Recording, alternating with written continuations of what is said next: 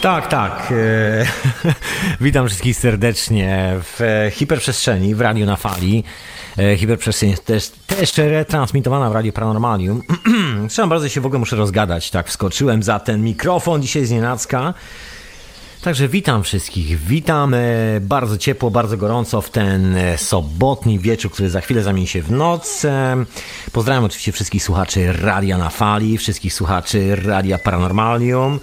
Pozdrawiam wszystkich mecenasów sztuki falowej przede wszystkim, moi drodzy, dzięki wielkie. No i zapraszam do wspierania, do wspierania radia, jak zwykle. A co? A dzisiaj w hiperprzestrzeni, no dobra, zanim powiem, e, no dobra, to może powiem po prostu nad czym dzisiaj chcę posiedzieć, pozastanawiać się, bo mam nadzieję, że zadzwonicie dzisiaj, że będziecie częściej dzwonić e, niż ostatnio.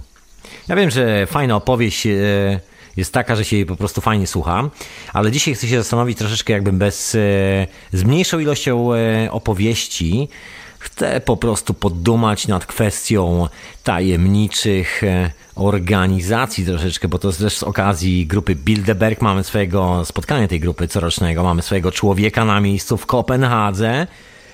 Dokładnie, także troszkę nad tym chciałbym się pozastanawiać, moi drodzy, jak to z tym wszystkim jest. No gdzieś tam jakieś opowieści na pewno wrzucę, jakieś pradawne, gdzieś sobie poprzypominam jakieś stare dzieje.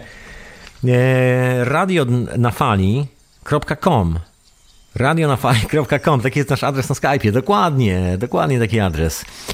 Ja oczywiście za chwilę się pojawię na Skype'ie radia, znaczy już jestem na Skype'ie radia, za chwilę się pojawię jednym okiem na czacie radiowym, na którego możecie wejść przez stronę radia, możecie też wpisać do przeglądarki chat.radionafali.com, też wejdziecie na czat, musicie się zalogować i jesteście na miejscu.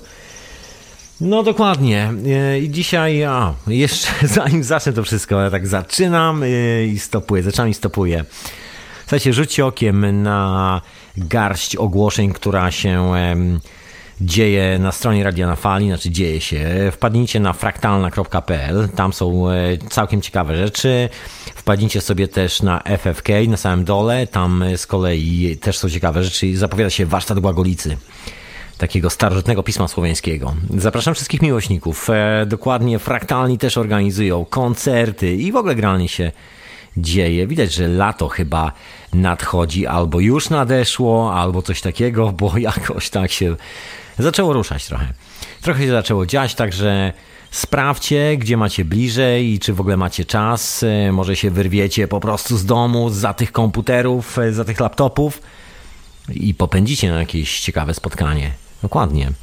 To tyle względem tych wszystkich ogłoszeń. Jak chcecie je spenetrować, to zapraszam się radionafali.com, taki jest nasz adres internetowy, tam są banery na głównej stronie i sobie klikajcie, sprawdzajcie i niech wieści się roznoszą. Ja przy okazji oczywiście zapraszam do naszego konta na Facebooku i naszego konta na Twitterze. Nic dzisiaj nie tweetowałem, jestem zajęty robotą, moi drodzy, dokładnie, U, urobiony po łokcie.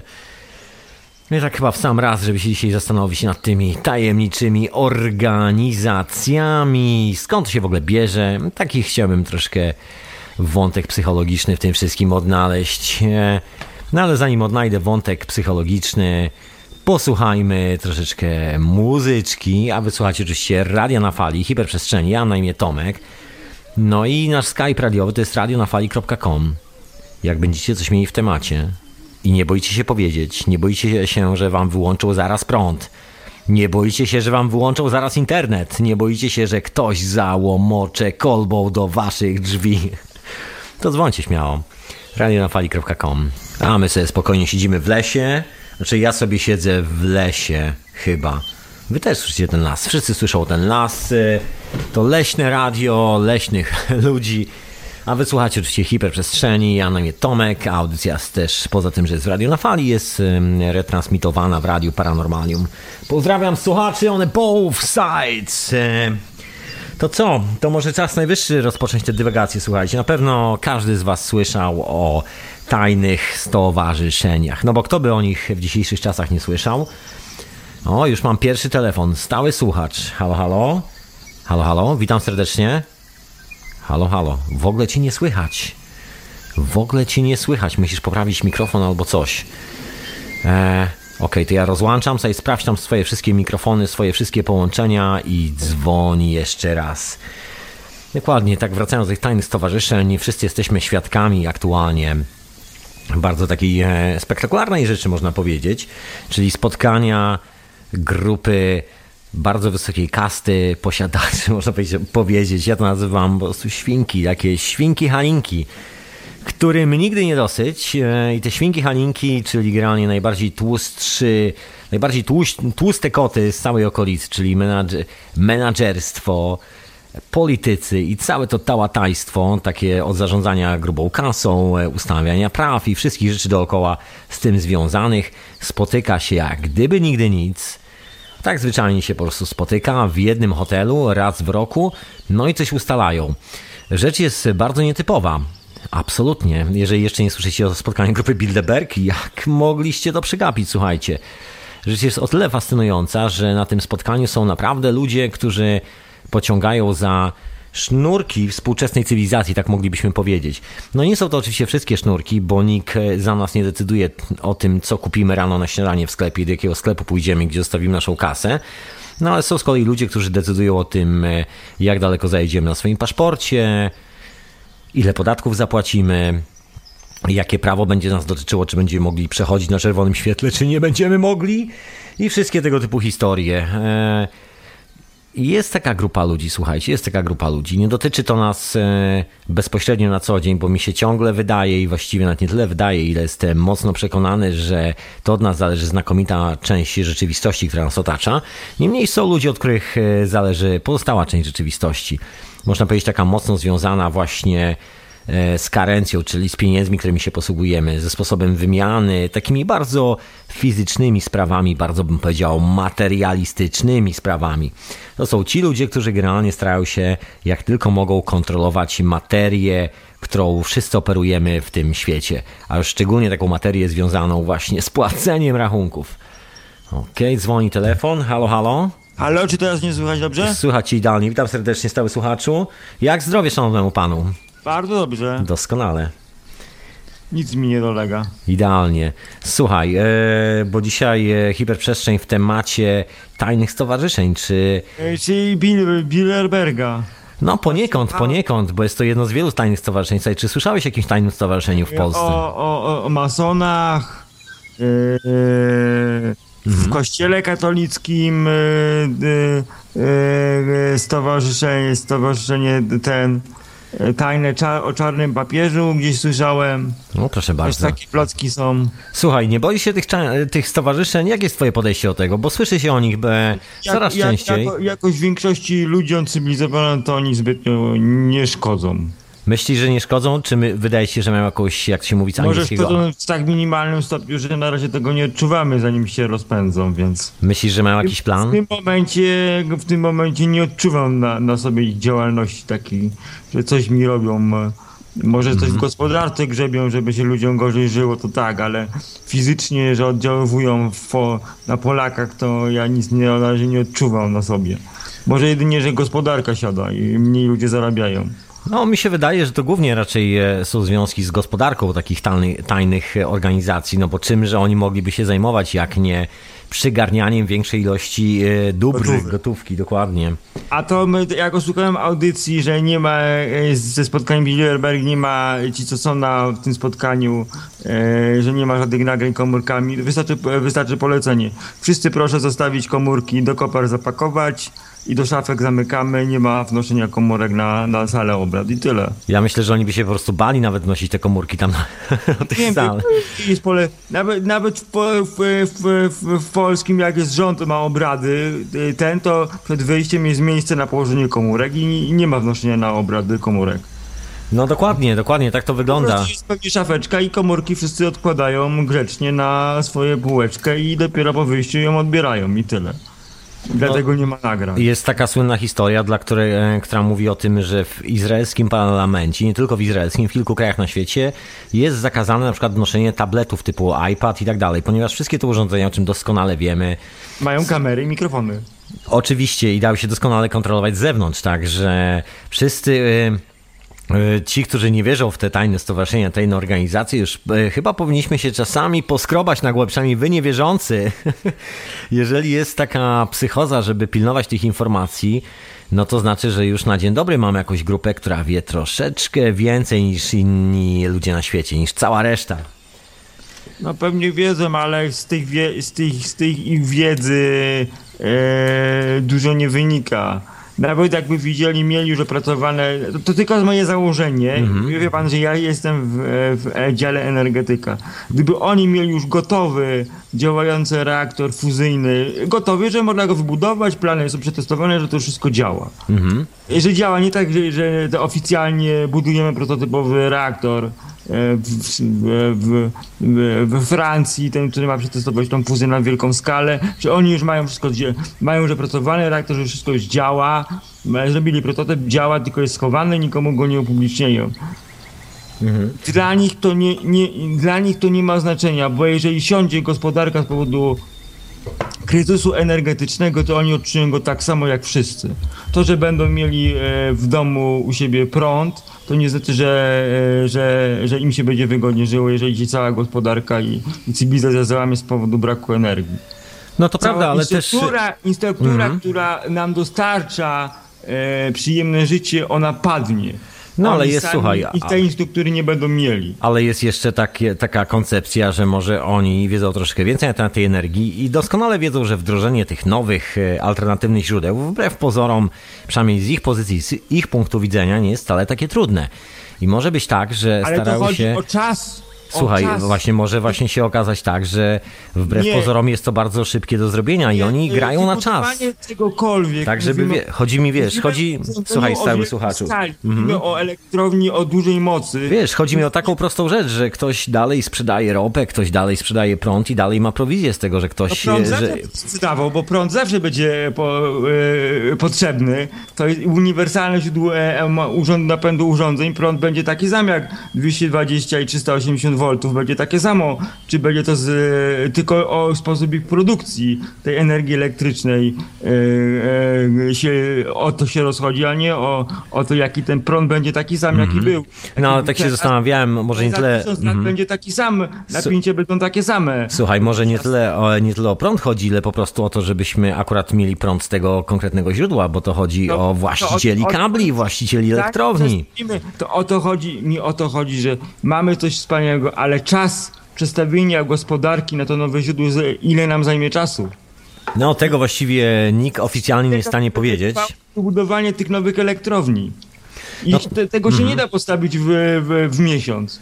No nie, no ale można to zrobić w ciągu roku. Budowa średniej wielkości, mówimy o te technologii całkowicie o, o, opracowanej, czyli na przykład elektrowni węglowej o mocy 1000 MW. W Polsce nową chcą wybudować. Trwało budowy będzie około 5 do 6 lat.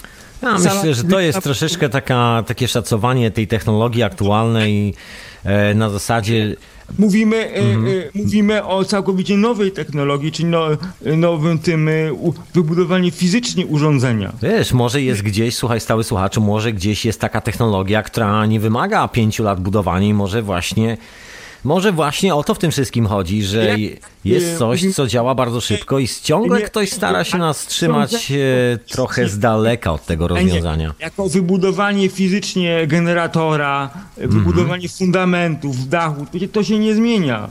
Wybudowanie reaktora, się, to, to, czas jest taki sam, czy będziemy budować e, e, czas e, schnięcia betonu, tego wszystkiego jest taki sam. No, że... może się, słuchaj, może się okazać zwyczajnie, że tak naprawdę nie potrzeba wcale wielkich reaktorów do pozyskiwania prądu. Kto to wie? Znaczy są pewne poszlaki, to takie bardzo poważne, także... A, a zużycie prądu nam spadnie? Raczej e, szacowane jest za 5 lat zużycie energii globalnie jako cywilizacja wzrośnie o 40%. To może sobie wzrastać, ale może być tak, że mamy takie źródła pozyskiwania energii i zamiany jej na prąd, że właściwie problem, że nam wzrośnie nawet o 1000% w ogóle nie istnieje, bo ale możemy wrócić do takiej technologii tajemniczej. Jak trzeba je wybudować fizycznie? One nie powstaną stryknięciem palca. No nie, ale, ale może, może rok, może nie pięć lat, słuchaj, może jest to o wiele łatwiejsze. Kto tak do końca, ale słuchaj, ja po prostu obstawiam to, że... Mhm. produkcji prądu samego jest, się nie zmieniła. Trzeba wprawić w ruch, e, w ruch e, prądnicę. I to się nie zmieni. Mamy dwie rodzaje prądu. Prąd stały i zmienny. Prąd No stały... ja to bym e, stały słuchaczy tobą mocno polemizował, ponieważ jest kilka wynalazków, które są już e, dosyć znane od Ale- właściwie 100 lat i są to nawet urządzenia My- Tesli. I my, o, Mhm. to ja też Tesla śledzę. Tesla wymyślił prądnicę. Dokładnie. I są, I są jakieś nowsze rozwiązania, które mówią o tym, że wcale nie trzeba budować wielkich, potężnych maszyn, że można zrobić to w troszeczkę inny sposób. Ale e, jak jest małe urządzenie, to produkuje mało energii. No, kto to wie? Być może jest takie urządzenie, słuchaj, bo my zakładamy e, od razu takie podejście, e, że tak powiem, dedykowane i właściwie no, mocno związane ze współczesną technologią. A może być tak, jak z internetem, słuchaj, że nikt nie podejrzewał, nikomu się nawet do głowy, w głowie nie koletowała ta, ta myśl jakieś... serwerownie dużo miejsca zajmują. No ale widzisz, kiedyś na przykład ktoś e, w ogóle nie. Kiedyś w ogóle nie było to brane pod uwagę, że jest coś takiego jak e, internet. Jeszcze nawet 25 lat temu to w ogóle przecież wszyscy się pukali w głowę mocno. 20 lat Wiem, temu wiem, się pukali w głowę. To internet, informatyka to jest co innego, a produkcja energii to jest co innego. Dokładnie, ale, ale, ale jest technologia, słuchaj. pod względem e, mocowym, że na przykład mamy urządzenie wielkości pralki automatycznej, która produkuje 10 MW. A, tylko chciałem wspomnieć, słuchaj, ja tylko chciałem tak porównać, bo my. Tej Mhm. wielkości o takiej mocy. Słuchaj, bo my tak mówimy o tej technologii dzisiaj, że dzisiaj, e, gdybyśmy chcieli wybudować e, coś według współczesnych technologii, to zajmie na przykład 5 lat, albo jeżeli, ale wszystko to według dzisiejszych technologii. No, A ale- może być tak, że coś nagle nam wskoczy takiego, że kto to wie. 59% dyskutujemy teraz, mówię na 99% dyskutujemy jak wyprodukować energię cieplną i potem ją przekonwertować na energię mechaniczną, a potem na prąd. Wszystkie te reaktory, fuzja jądrowa, tego typu rzeczy to produkuje ciepło. No, myślę, że ja bym chciał uciekać od fu- fuzji jądrowej. Ja troszkę dzisiaj wspomnę między innymi o kwestii tajnych, o, Inna fuzja jądrowa to wszystko jest produkcja energii cieplnej. Ja no, mam już różne takie pomysły związane z Teslą. Myślę, że to są takie bardzo. Musimy ją potem zamienić na energię elektryczną i zamieniamy ją w sposób tradycyjny. O, to jest takie bardzo konserwatywne myślenie, bym powiedział. A jak Są maszyny, są maszyny, które dostarczają od razu, zresztą bardzo gotowy prąd. Takie maszyny, które wymyślał Tesla i które gdzieś tam działają, które różni szaleni wynalazcy próbują przepychać do przodu. Jest tego troszeczkę. Może się okazać, że mamy w ręku taką technologię, która powoduje, że naprawdę niepotrzebne nam są wielkie reaktory, plany pięcioletnie na budowę gigantycznych elektrowni, że możemy to zrobić w bardzo, że tak powiem, e, d- no może nie już domowym zakresie, krótko, ale mamy, takim... Mamy jakby mówiąc dwóch odbiorców. Indywidualnych, co wystarczy paru kilowatów i, i wielką fabrykę, która potrzebuje setki megawatów. I oni potrzebują urządzeń tych wielkiej mocy. E, Tych dużych urządzeń. Może wiesz, może zaczniemy od domów, może zaczniemy, zanim zaczniemy odstawiać fabryki, to może zaczniemy od tego, żeby odłączyć Tylko- ulicę i zasilać Tylko, ją tylko, że, tylko innym. że e, 80 do między sze- sześć- 80 a 70% energii elektrycznej zużywa przemysł, a nie domki, a nie odbiorcy indywidualni. No, Oni gdzieś słuchaj, gdzieś trzeba zacząć, myślę, że oni od potrzebują domu. tych urządzeń wielkiej mocy i oni e, jakby już już były dostępne takie e, reaktory, to firmy by na przykład Huta, po, była w Polsce taka Huta z Ostoków, ona zużywała 1% krajowej produkcji energii elektrycznej. I z powodu wysokich cen energii się wyniosła do Islandii, bo tam prąd mają praktycznie za darmo. E, e, Ją zlikwidowali. No ale słuchaj, ja chciałem Islandii. troszkę się pociągnąć, jeżeli już dzwonisz, to e, zostawmy tą wolną energię, bo od wolnej No. energii jest audycja Synteza, do której wszystkich serdecznie zapraszam. zapraszam. Tam się, że tak powiem, rozkliwiam nad tymi wątkami. Data emisji? E, Nazywa się Synteza. Zapraszam wszystkich serdecznie na stronę Radia na Fali, radionafali.com, e, zakładka audycji i podcasty. Tam jest e, już czwarty odcinek, kolejny odcinek Syntezy. Tam, gdzie generalnie zastanawiam się nad tymi wszystkimi rzeczami, przypominam pewne sprawy. Dobra, no to, no, to, no to będę słuchał. A jakie pan ma do mnie pytania oprócz... oprócz... No właśnie tylko spiskowe. Dzisiaj, dzisiaj tak na temat właśnie tych tajemniczych grup, bo dzisiejszy temat e, hiperprzestrzeni zdecydowanie jest związany właśnie z owymi tajemniczymi organizacjami. Także słuchaj, mam nadzieję, że dzisiaj nikt nie namawiał do żadnej tajemniczej organizacji. Nie, nikt nie namawiał do żadnej tajemniczej No organizacji. Bardzo dobrze, słuchaj, bardzo dobrze. Wiemy, że rozmawiamy z człowiekiem, który nie należy do żadnej tajnej organizacji, przynajmniej w tym momencie. Jedynie, jedynie e, to puszczamy e, w piątek o 23 na Discover Science będzie nowy program Mhm.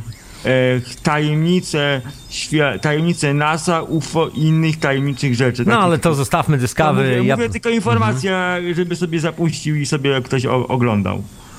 O, dziękuję bardzo za informacje, co możemy się dowiedzieć w oficjalnych mediach. Te dziękuję za telefonik, dziękuję za... Oczywiście na moim e, e, fanpagu e, na YouTube Mhm. się film wrzucę go, jeżeli mi go YouTube nie wywali, jak cenzura się nie pojawi. Słuchaj, więc- nie, używaj muzyki, która nie, posiada takie możliwości, takie, że możesz po prostu jej opublikować, bo jak użyjesz muzyki takiej, które, która ma A nie mówię o muzyce, tylko mówię o filmie dokumentalnym. Tak, ale oni sprawdzają tam muzykę. Nawet po dwóch tygodniach potrafią tak. wywalić film, że, że ktoś komuś się nie podoba. I don't know, man, nie znam się. To musimy... To... trzy tygodnie temu energii jądrowej w Niemczech i teraz mi go zablokowali. Słuchaj, A trzy to... tygodnie sobie wisiał jako e, otwarto dla wszystkich. To już zostawiam ciebie z YouTubie, z YouTube'em i z, z tym, jak sobie z tym poradzisz. Dzięki wielkie za telefon. No to do widzenia. Do widzenia. To był, słuchajcie, stały słuchacz, a ja tu miałem jeszcze jeden telefon. Proszę jeszcze raz zadzwonić, bo tu dzwonił do, do mnie Rob, a tak jak wyłączyłem, to wyłączyłem wszystko. Także proszę śmiało dzwonić, bo mi dzisiaj, widzicie jak ta energia chodzi po ludziach. E, witam Robie. Halo, halo. Halo, halo. Nie słychać, e, nie słychać twojego mikrofonu.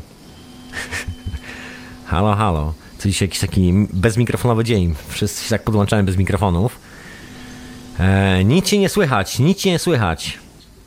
O właśnie, słuchajcie, zaraz, zaraz będzie z powrotem. Mamy dzisiaj, tak zeszło na tą wolną energię. Coś w tym jest, słuchajcie. Ja troszkę może gdzieś tam kątem wspomnę, ale to oczywiście, tak jak wspomniałem, zostawiam na audycję Synteza, do której Was bardzo serdecznie zapraszam. No, chciałem zacząć od takiego prostego wątka z tą, e, z tą kwestią tajemniczych organizacji. Jest, jest takie taka ciekawa, nie wiem jak to nazwać, e, bo, ani- bo też nie jest to teoria, bo jest to coś, co zostało sprawdzone. Jest taka refleksja, może mo- pewna prawidłowość, którą zaobserwowano, że jeżeli jest e, mała społeczność i ta społeczność wynosi gdzieś tak do około 100 ludzi, to wszystko jest ok, gdzieś w tej okolicy. To taka wioska, która sobie gdzieś tam żyje, czy to jest burz, czy to jest pustynia, gdziekolwiek, gdziekolwiek to jest świetnie się ma i wszystko jest bez problemów i w takiej małej społeczności bardzo trudno jest ukryć jakiekolwiek tajemnice między sobą, a i też e, myślę doskonale się orientujemy, że w takiej małej społeczności pojawiające się z nienacka dziwne tajemnice i dziwne frakcje mogą właściwie doprowadzić do jakichś e, nieświeżych, niezdrowych sytuacji towarzyskich.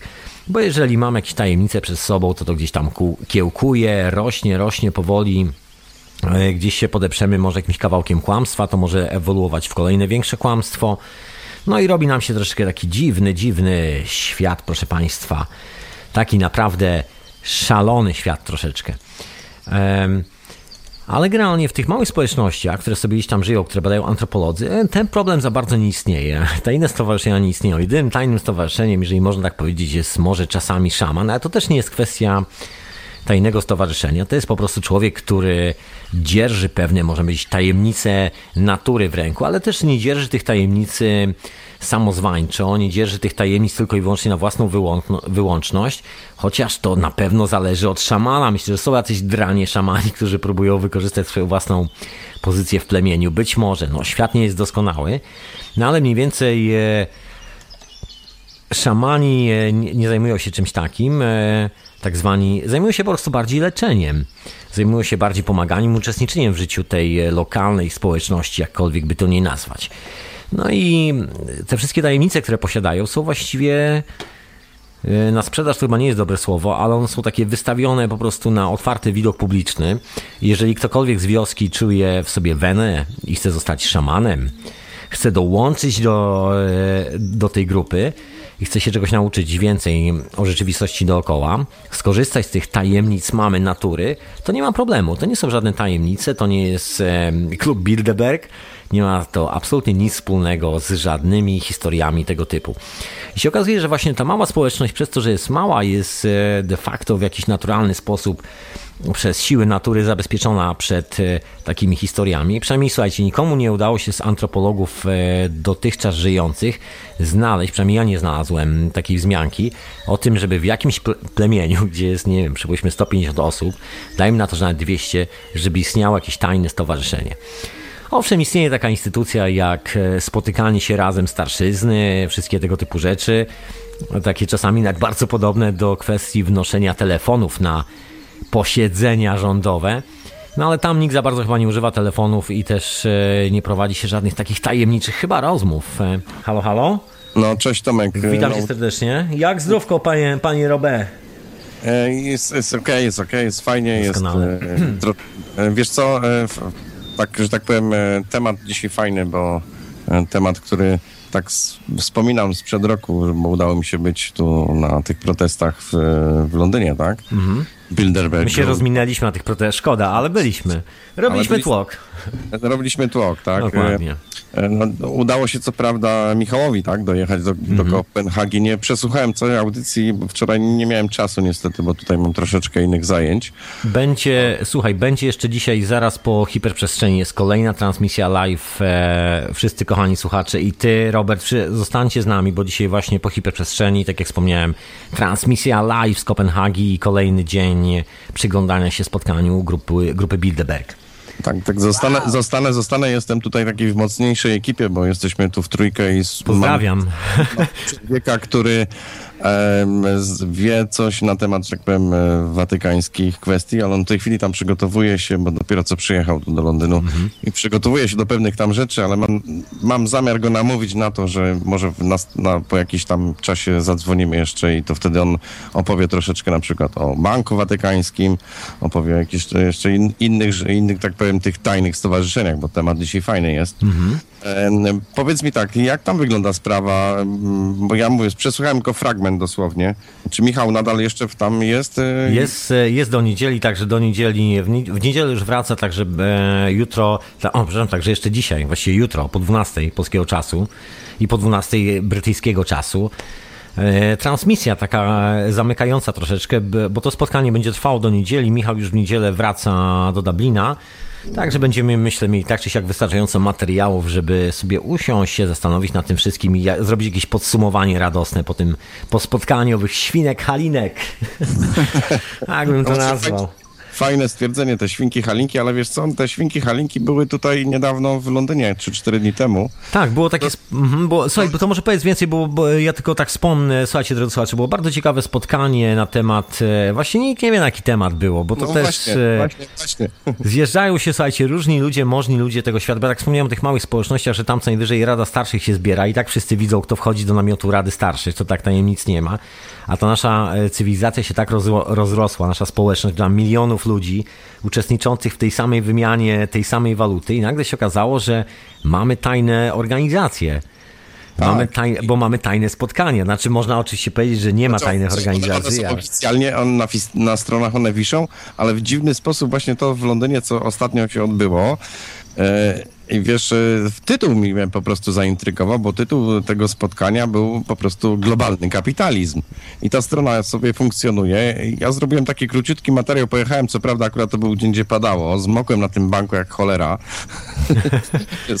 Dosłownie, no, e, nie zabrałem parasola, wziąłem trochę sprzętu, wiesz, człowiek się targa tam z tym sprzętem i pojechałem co prawda dosyć późno, bo to zaczęło się o godzinie 8 rano, no i e, znalazłem tam taką, wiesz, południówkę londyńską i na 42 stronie znala- znalazłem informację, że coś takiego jest. Szukałem po BBC, po tych wszystkich, wiesz, mainstreamie, cisza, echo, szukałem po tych bulwarówkach, takich, wiesz, tych typu, e, no tam Daily, Daily Straley, tak?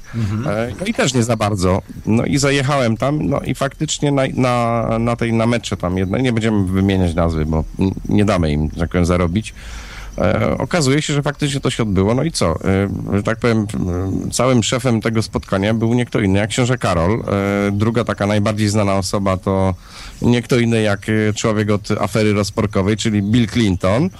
E, Trzecia, trzecia kwestia, no, e, tak powiem, cały, całe, że tak powiem, ta in, infrastruktura Fedu, e, Bank Anglii i tak dalej. I oni spotykają się i omawiali, wiesz, taki, tak na tej stronie, tak co prawda było taka, wiesz, e, e, o czym oni będą rozmawiać. No i ta konferencja miała, temat był jeden. Ceny nieruchomości. Haha. No, jest taka, słuchaj, jest taka, no to nie jest granie kwestia teorii, tylko takie stwierdzenie, że jeżeli już następuje spekulacja nieruchomościami, to znaczy, że jest koniec, że koniec kryzysu, że wszystko upadło, rozumiesz? Muchamy balon. Dokładnie, jak już, jak już jest pompowanie kasy w cegłę, no to znaczy, że już jest ostatni etap dmuchania tego wielkiego balonu, który się nazywa spekulacją rynku nieruchomości, ja sobie tak wyobrażam. Słuchaj, no ale myślisz, że coś się e, wydarzy w tej chwili, że, że e, słuchaj, bo tak, e, ja, ja tak patrzę na te, na te, że tak powiem, te spotkania, że tak powiem, Bilderbergów, tak z takiej perspektywy oni tam ogłaszają, tam je, jedzie część osób, ta, która jest bardzo zainteresowana, tak, czyli słyszałem, że, że Luke Rutkowski też jest, ten Jest Luke Rutkowski, chłopak, tak. który był też tutaj właśnie w Londynie, w Watford w zeszłym roku. E, Alex nie przyjechał, tak? Czy Ale jest ekipa telewizji Alexa Jonesa, także a, a powiedz mi tak, czy wiesz coś na temat, y, czy David Icke się tam, ktoś się tam kręci z jego ekipy? e, tego nie wiem. Podejrzewam, że ktoś jest tam i robi materiały na bieżąco, bo to, że tak powiem... To może Michała zapytamy, może coś będzie wiedzieć, bo on tam najbliżej jest, tak? Bo, dokładnie, bo my tak, wiesz, we własnym zakresie tam jeszcze się nie przyglądamy na te nalepki na kamerach, kto, je, kto jeszcze jest. Znaczy generalnie teraz jest, poczekaj, bo znowu, mi, no jest, Prawie jakby u niego było to spotkanie grupy Bilderberg. no właśnie. E, Jest, jest taka kwestia, wiesz, że e, no, no jednak oni to, oni to jakoś tam e, no, wypuszczają, tak? Tak jak, jak to spotkanie. Słuchaj, ja dostałem tą informację na temat tego spotkania tutaj, że Clinton się pojawi, pojawi się tam, słuchaj, i tak patrzyłem na te nazwiska i taka ciekawostka, słuchajcie, sporo, sporo e, azjatyckich nazwisk, takiej tej rasy żółtej, czyli coś, coś jest na rzeczy właśnie w kwestiach tak, tej cegły, tak jak mówisz, tak? Czyli, czyli coś za chwileczkę może wypłynąć, no ale tak, y, zobacz, y, tam wschód zaczyna płonąć, znowu, znowu jakieś tam te, mm, przysz... mm, dzisiaj coś słyszałem, znowu w Kijowie, tutaj mam taką sąsiadkę, która, która ma rodzinę, tak, Polka, która, która tam pochodzi z, z tego i ona właśnie wyjeżdża w najbliższym czasie i mam nadzieję, coś się dowiem, co faktycznie tam się dzieje, bo wiesz, te doniesienia, co, o, czym, o czym mówi mainstream, o, o, gdzieś tam z tych platform się dowiadujemy, że tu wiesz, znowu jakieś walizki tam z CIA przyjechały, tak? E, Tu się płaci, tam się płaci. No są A- takie, słuchaj, są takie bardzo oczywiste powiązania, chociażby patrząc na Kwaśniewskiego, byłego prezydenta Polski, który jak się okazuje jest e, współdziałowcem w takim dużym koncernie, Właśnie. który ma, nie pamiętam nazwy tego koncernu, sorry kochani, e, który ma, generalnie są to pieniądze z Niemiec, z całej Europy, które są inwestowane na Ukrainie i właściwie, no co tu dużo mówić, Ukraina jest takim... Takim terra incognita, jak się dawniej mawiało z łaciny, czyli e, nieodkrytą ziemią jeszcze, na której nie stanęła ludzka stopa, a cho- a chodzi o bardzo duży biznes, bo jest to potężny kraj z, potencja- z potężnym potencjałem e, ekonomicznym, to się tak mówi, że zadłużony, zadłużony, ale dług jest na papierze, dług to są banknoty, które same w sobie już są zadłużone w momencie wychodzenia z drukarni, także to akurat najmniejszy problem, a Ukraina po prostu dysponuje rzeczywistymi zasobami, takimi, że jest przysłowiowo gdzie e, po prostu wyhodować kurę, albo nawet parę kur, wyhodować parę marchewek, a nawet parę tysięcy marchewek. Wcale nie trzeba ich podlewać randapem, wcale, wcale nie stoją tam żadne wielkie fabryki. Ci ludzie no, żyją może nie na takim poziomie jak przeciętny Londyńczyk na przykład, no ale generalnie y, podejrzewam, że jedzenie mają o wiele zdrowsze niż y, przeciętny Londyńczyk kiedykolwiek mógł sobie w życiu wyobrazić. No ale wiesz, jeszcze, jeszcze jest jedna kwestia właśnie, e, no wiadomo, że jest, jest Morze Czarne, tak, Krym. e, Dostęp do ropy, I do ropy i wiesz, dostęp do, do portu, który nie zamarza, tak? Bo to, bo to, to chyba to jest główny też jakby cel Putina, tak? W, tych, w tej kwestii, nie? Ale e, zobacz, tam, tam Ukra- patrząc na Ukrainę, Ukraina zawsze była pod czyimś butem, tak? A to polskim, a to... dokładnie. Tak. I, I to jest chyba teraz, y, chyba tu, tu jest znowu chyba ta karta historii się, się odwraca i, i zobaczymy w tej chwili właśnie kto jakby przejmie, tak, no bo y, no co, nie czarujmy się, tak, w Kijowie była ta rewolucja tak zwana jedna, teraz ta ostatnia, no jest sponsorowana przez właśnie między innymi pana Kwaśniewskiego, tak, w sensie takim, że to właśnie to, ta kasa, y, no oni by chcieli, żeby, żeby to przejąć. Tam się jeszcze okazało, że przecież Gerhard Scherer jest, jest członkiem nie tylko zarządu Gazpromu, jakiś tam honorowym i dostaje od tego całkiem niehonorową pensję, że w ogóle generalnie bardzo dużo polityków zachodnich jest e, związanych e, biznesowo z firmami z Rosji, które właściwie, no, można powiedzieć, że firmy z zachodu, duże koncerny podały sobie ręce z koncernami z Rosji i właściwie okazało się, że teraz jak Ukraina nie chce mieć tych oligarchów, z którymi wszystko już było prawdopodobnie chyba dograne, bo to tak trochę wyglądało, że tam zaraz będą już fabryki Coca-Coli stały, nagle się okazało, że ludzie się zbuntowali i troszeczkę takie przerażenie, no bo kto teraz wyda te zezwolenia na te fabryki Coca-Coli, kto się tym zaopiekuje, także teraz trzeba zainstalować e, nowy rząd, trzeba powiedzieć ludziom, kogo się mają słuchać, i była taka zabawna historia związana ze spotkaniem grupy Bilderberg e, rok temu, zdaje się. Jeden chyba z członków, to mi Michała się zapytam jeszcze raz, bo ja dokładnie nie pamiętam, ale jeden z członków tak mm, coś wspominał po tym spotkaniu na temat wojny, padało słowo wojna. Być może była to próba wywołania sztucznie jakiegoś konfliktu. Wiemy doskonale z historii, że tradycje, może nie tyle grupy Bilderberg, ile właściwie pieniędzy, które są bardzo mocno związane mm, z grupą Bilderberg, bo mówimy o korporacjach, o rodzinie po prostu Rothschildów, o rodzinie Rockefellerów, o takich gigantycznych fundacjach i gigantycznych pieniądzach, które za tym stoją, jakby mają na sumieniu takich operacji pod tytułem próba monopoliza- skuteczna próba monopolizacji rynku e, energetycznego w jakimkolwiek kraju, tak e, w portfolio co najmniej chyba z 20. Także to nie, jest, to nie jest nic nowego. Oni właściwie zawsze się spotykają po to, żeby utwierdzić swoją monopolistyczną pozycję na rynku. I zawsze jest to robione w cichej tajemnicy. Nie wiem, czy kojarzysz historię chociażby tu z Londynu, jak e, nie ma niby tajnych stowarzyszeń, niby wszystko jest oczywiście jas, jawne i jasne, no ale jak się okazało, podatki nie są płacone przez wszystkie korporacje. Nagle się okazało, że e, że kiedy ty zrobisz mi kawę w jakimś swoim takim małym outlecie stojącym gdzieś e, w centrum Londynu, to zapłacisz 30% e, podatku od tego wszystkiego, co tam robisz, a taka, taki Starbucks, który stoi 20 metrów od ciebie, który wynajmuje cały lokal i tak dalej, zapłaci praktycznie 1% podatku od wszystkiego. Słuchaj, ale Starbucks już się szykuje na, na, zielo, na zieloną rewolucję, tak? Słyszałem. Oni już zawsze są gotowi. Ja już, inna sprawa, że ta zielona rewolucja, mówimy o kanabis, o legalizacji kanabis, moi drodzy, już na wyspach Jersey w Anglii, to jest część e, królestwa, ale generalnie pod taką osobną jurysdykcją. E, Jeszcze raj podatkowy, tak Dokładnie. Się... Raj, oprócz tego jest rajem podatkowym. E, kanabis medyczny jest już aktualnie legalny na wyspach Jersey. Taka ciekawostka, jakby ktoś nie wiedział. Także... Słuchaj.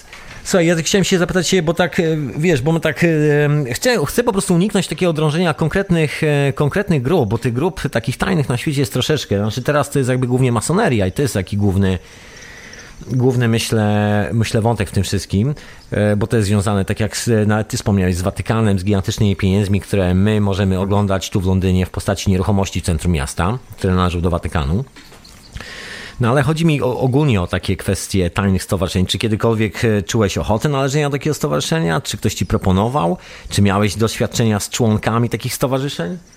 Znaczy, wiesz, ja powiem tobie tak, mój, mój babci brat należał, był masonem, tak? E, i, znaczy tak, niewiele o nim wiemy, bo to, były, to był taki okres, wiesz, e, międzywojenny, wojna i tak dalej. Wiem, że był w Legii Cudzoziemskiej, no i któregoś dnia on po prostu przepadł. My nawet nie wiemy, gdzie jest jego grób, tak, bo, bo nie żyje już, już, bo to już jest, wiesz, ten, mhm. ten okres. E, z, z opowiadań babci to, to pamiętam tylko taką sytuację, że jak któregoś dnia się pojawił w Polsce, jak, jak, jak z tej Legii tam przyjechał, to miał taką fajną szramę od oka do, do brody i e, babci tylko powiedział, czyli siostrze swojej, że no, miał taki problem z Marokańczykiem jakimś tam, tak, no bo to wiadomo, Legia to coś...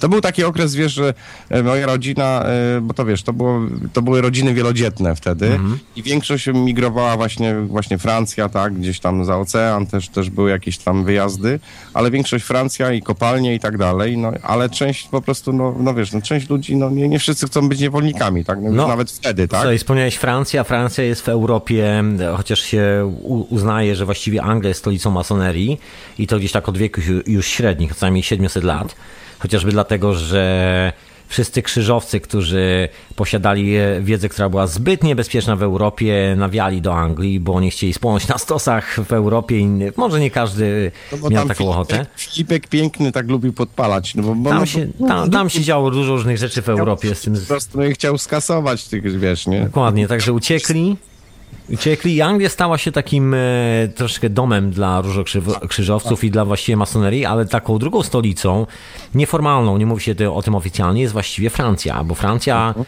jest krajem, którym chyba, no sobie tak e, zażartuję, to co drugi obywatel należy do jakiejś tajnej loży.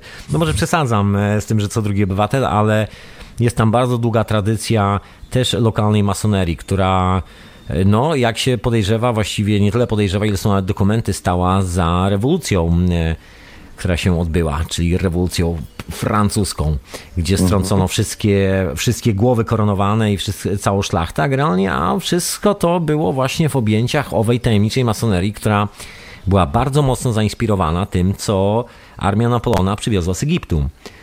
No i No rościli właśnie, sobie tak. troszeczkę prawo do, tych, do tej wiedzy. Jakby podpierali się do tej pory masoneria się właściwie i takie tajne stowarzyszenia, które są dookoła tego wszystkiego, podpierają się właśnie ową tajemniczą wiedzą, że ją posiadają. No właśnie, właśnie. Wiesz co, te, tak jak y, teraz mówisz o, o Egipcie i mówisz, tak ja, ja jeszcze wspomnę o czymś takim, właśnie o templariuszach. i, No, słuchaj, y, urban legend albo jakkolwiek to nazwiemy, ale jest mowa o właśnie o tych kilku bra braciach, którzy właśnie pierwsi pojawili się w, w Palestynie, tak, i y, wydobyli, tak, coś pod, y, no... Tak, tak, to się, a to też tak się mówi, że, ta, że to była krucjata. To było raptem pięciu rycerzy zbrojnych, zdaje Tak, się, na koniec. Pięciu kolesi. To byli pierwsi chyba y, archeolo archeolodzy, tak, którzy się pojawili, bo oni kopali, że tak powiem, w tej... tej... Szabrownicy. Tylko pytanie właśnie, co, co, co tam oni zabrali z, z tego miejsca, nie? A że później, wiesz, byli uznawani jako pierwsi bankowcy, to już jakby inna kwestia, no bo jak ktoś ma że taką żyłkę do interesu, no to, to, to, to zrobi na tym, tak? Bo no jednak jak jest biznes, y, żeby biznes powstawał, musi być, musi być zasilanie, czyli musi być kasa. Ale mieli, mieli właśnie, musieli mieć dostęp do tej wiedzy, nie? E, I co wydobyli, tak? To oczywiście, wiesz, tych teorii jest dziesiątki, jak jakby do netu się wejdzie, to e, w co drugiej stronie gdzieś kto, kto, ktoś tam pisze na, na temat właśnie templariuszy. Są opcje takie, że templariusze, że tak powiem, e, e, wyemigrowali w sensie takim, że, że no, założyli jakby Amery- Amerykę jako taką. E, ale Wiesz, to... nawet teorie teoriami, ale są e, rzeczywiście znajdowane takie wykopaliska archeologiczne, które, no cokolwiek byśmy sobie nie chcieli myśleć, to właściwie one tylko potwierdzają to, bo są ślady mm, jakichś przybyszów w okolicach e, 1200 roku, gdzieś na wybrzeży Nowej Szkocji. Jest ich nawet całkiem sporo. E, Są e, stare grody wikingów, które mają tam po, po 2000 lat, też gdzieś w okolicach Nowej Szkocji w Stanach Zjednoczonych i nie tylko. No jest ten cały fenomen związany z tym, co się e, wykopuje z ziemi dookoła wiel- wielkich jezior, dookoła Chicago, tam w Illinois, te tablety słynne. Także jest, jest troszeczkę takich informacji, które, no właściwie może nie tyle informacji, ile jest y, dużo materiałów archeologicznych, które właściwie stanowią taką bazę do takich bardzo mocnych rozważań na temat, czy ta informacja jest prawdziwa, czy nie jest prawdziwa. Bo jak się okazuje, no, no jest trochę kamieni, trochę dziwnych wzorków, które teoretycznie w ogóle nie powinny się znaleźć w Ameryce, a jest ich tam bardzo dużo. Ja mam taką swoją teorię dotyczącą e, tych wszystkich e, tajnych stowarzyszeń. Mi się wydaje, że chodzi w dużej mierze o technologię.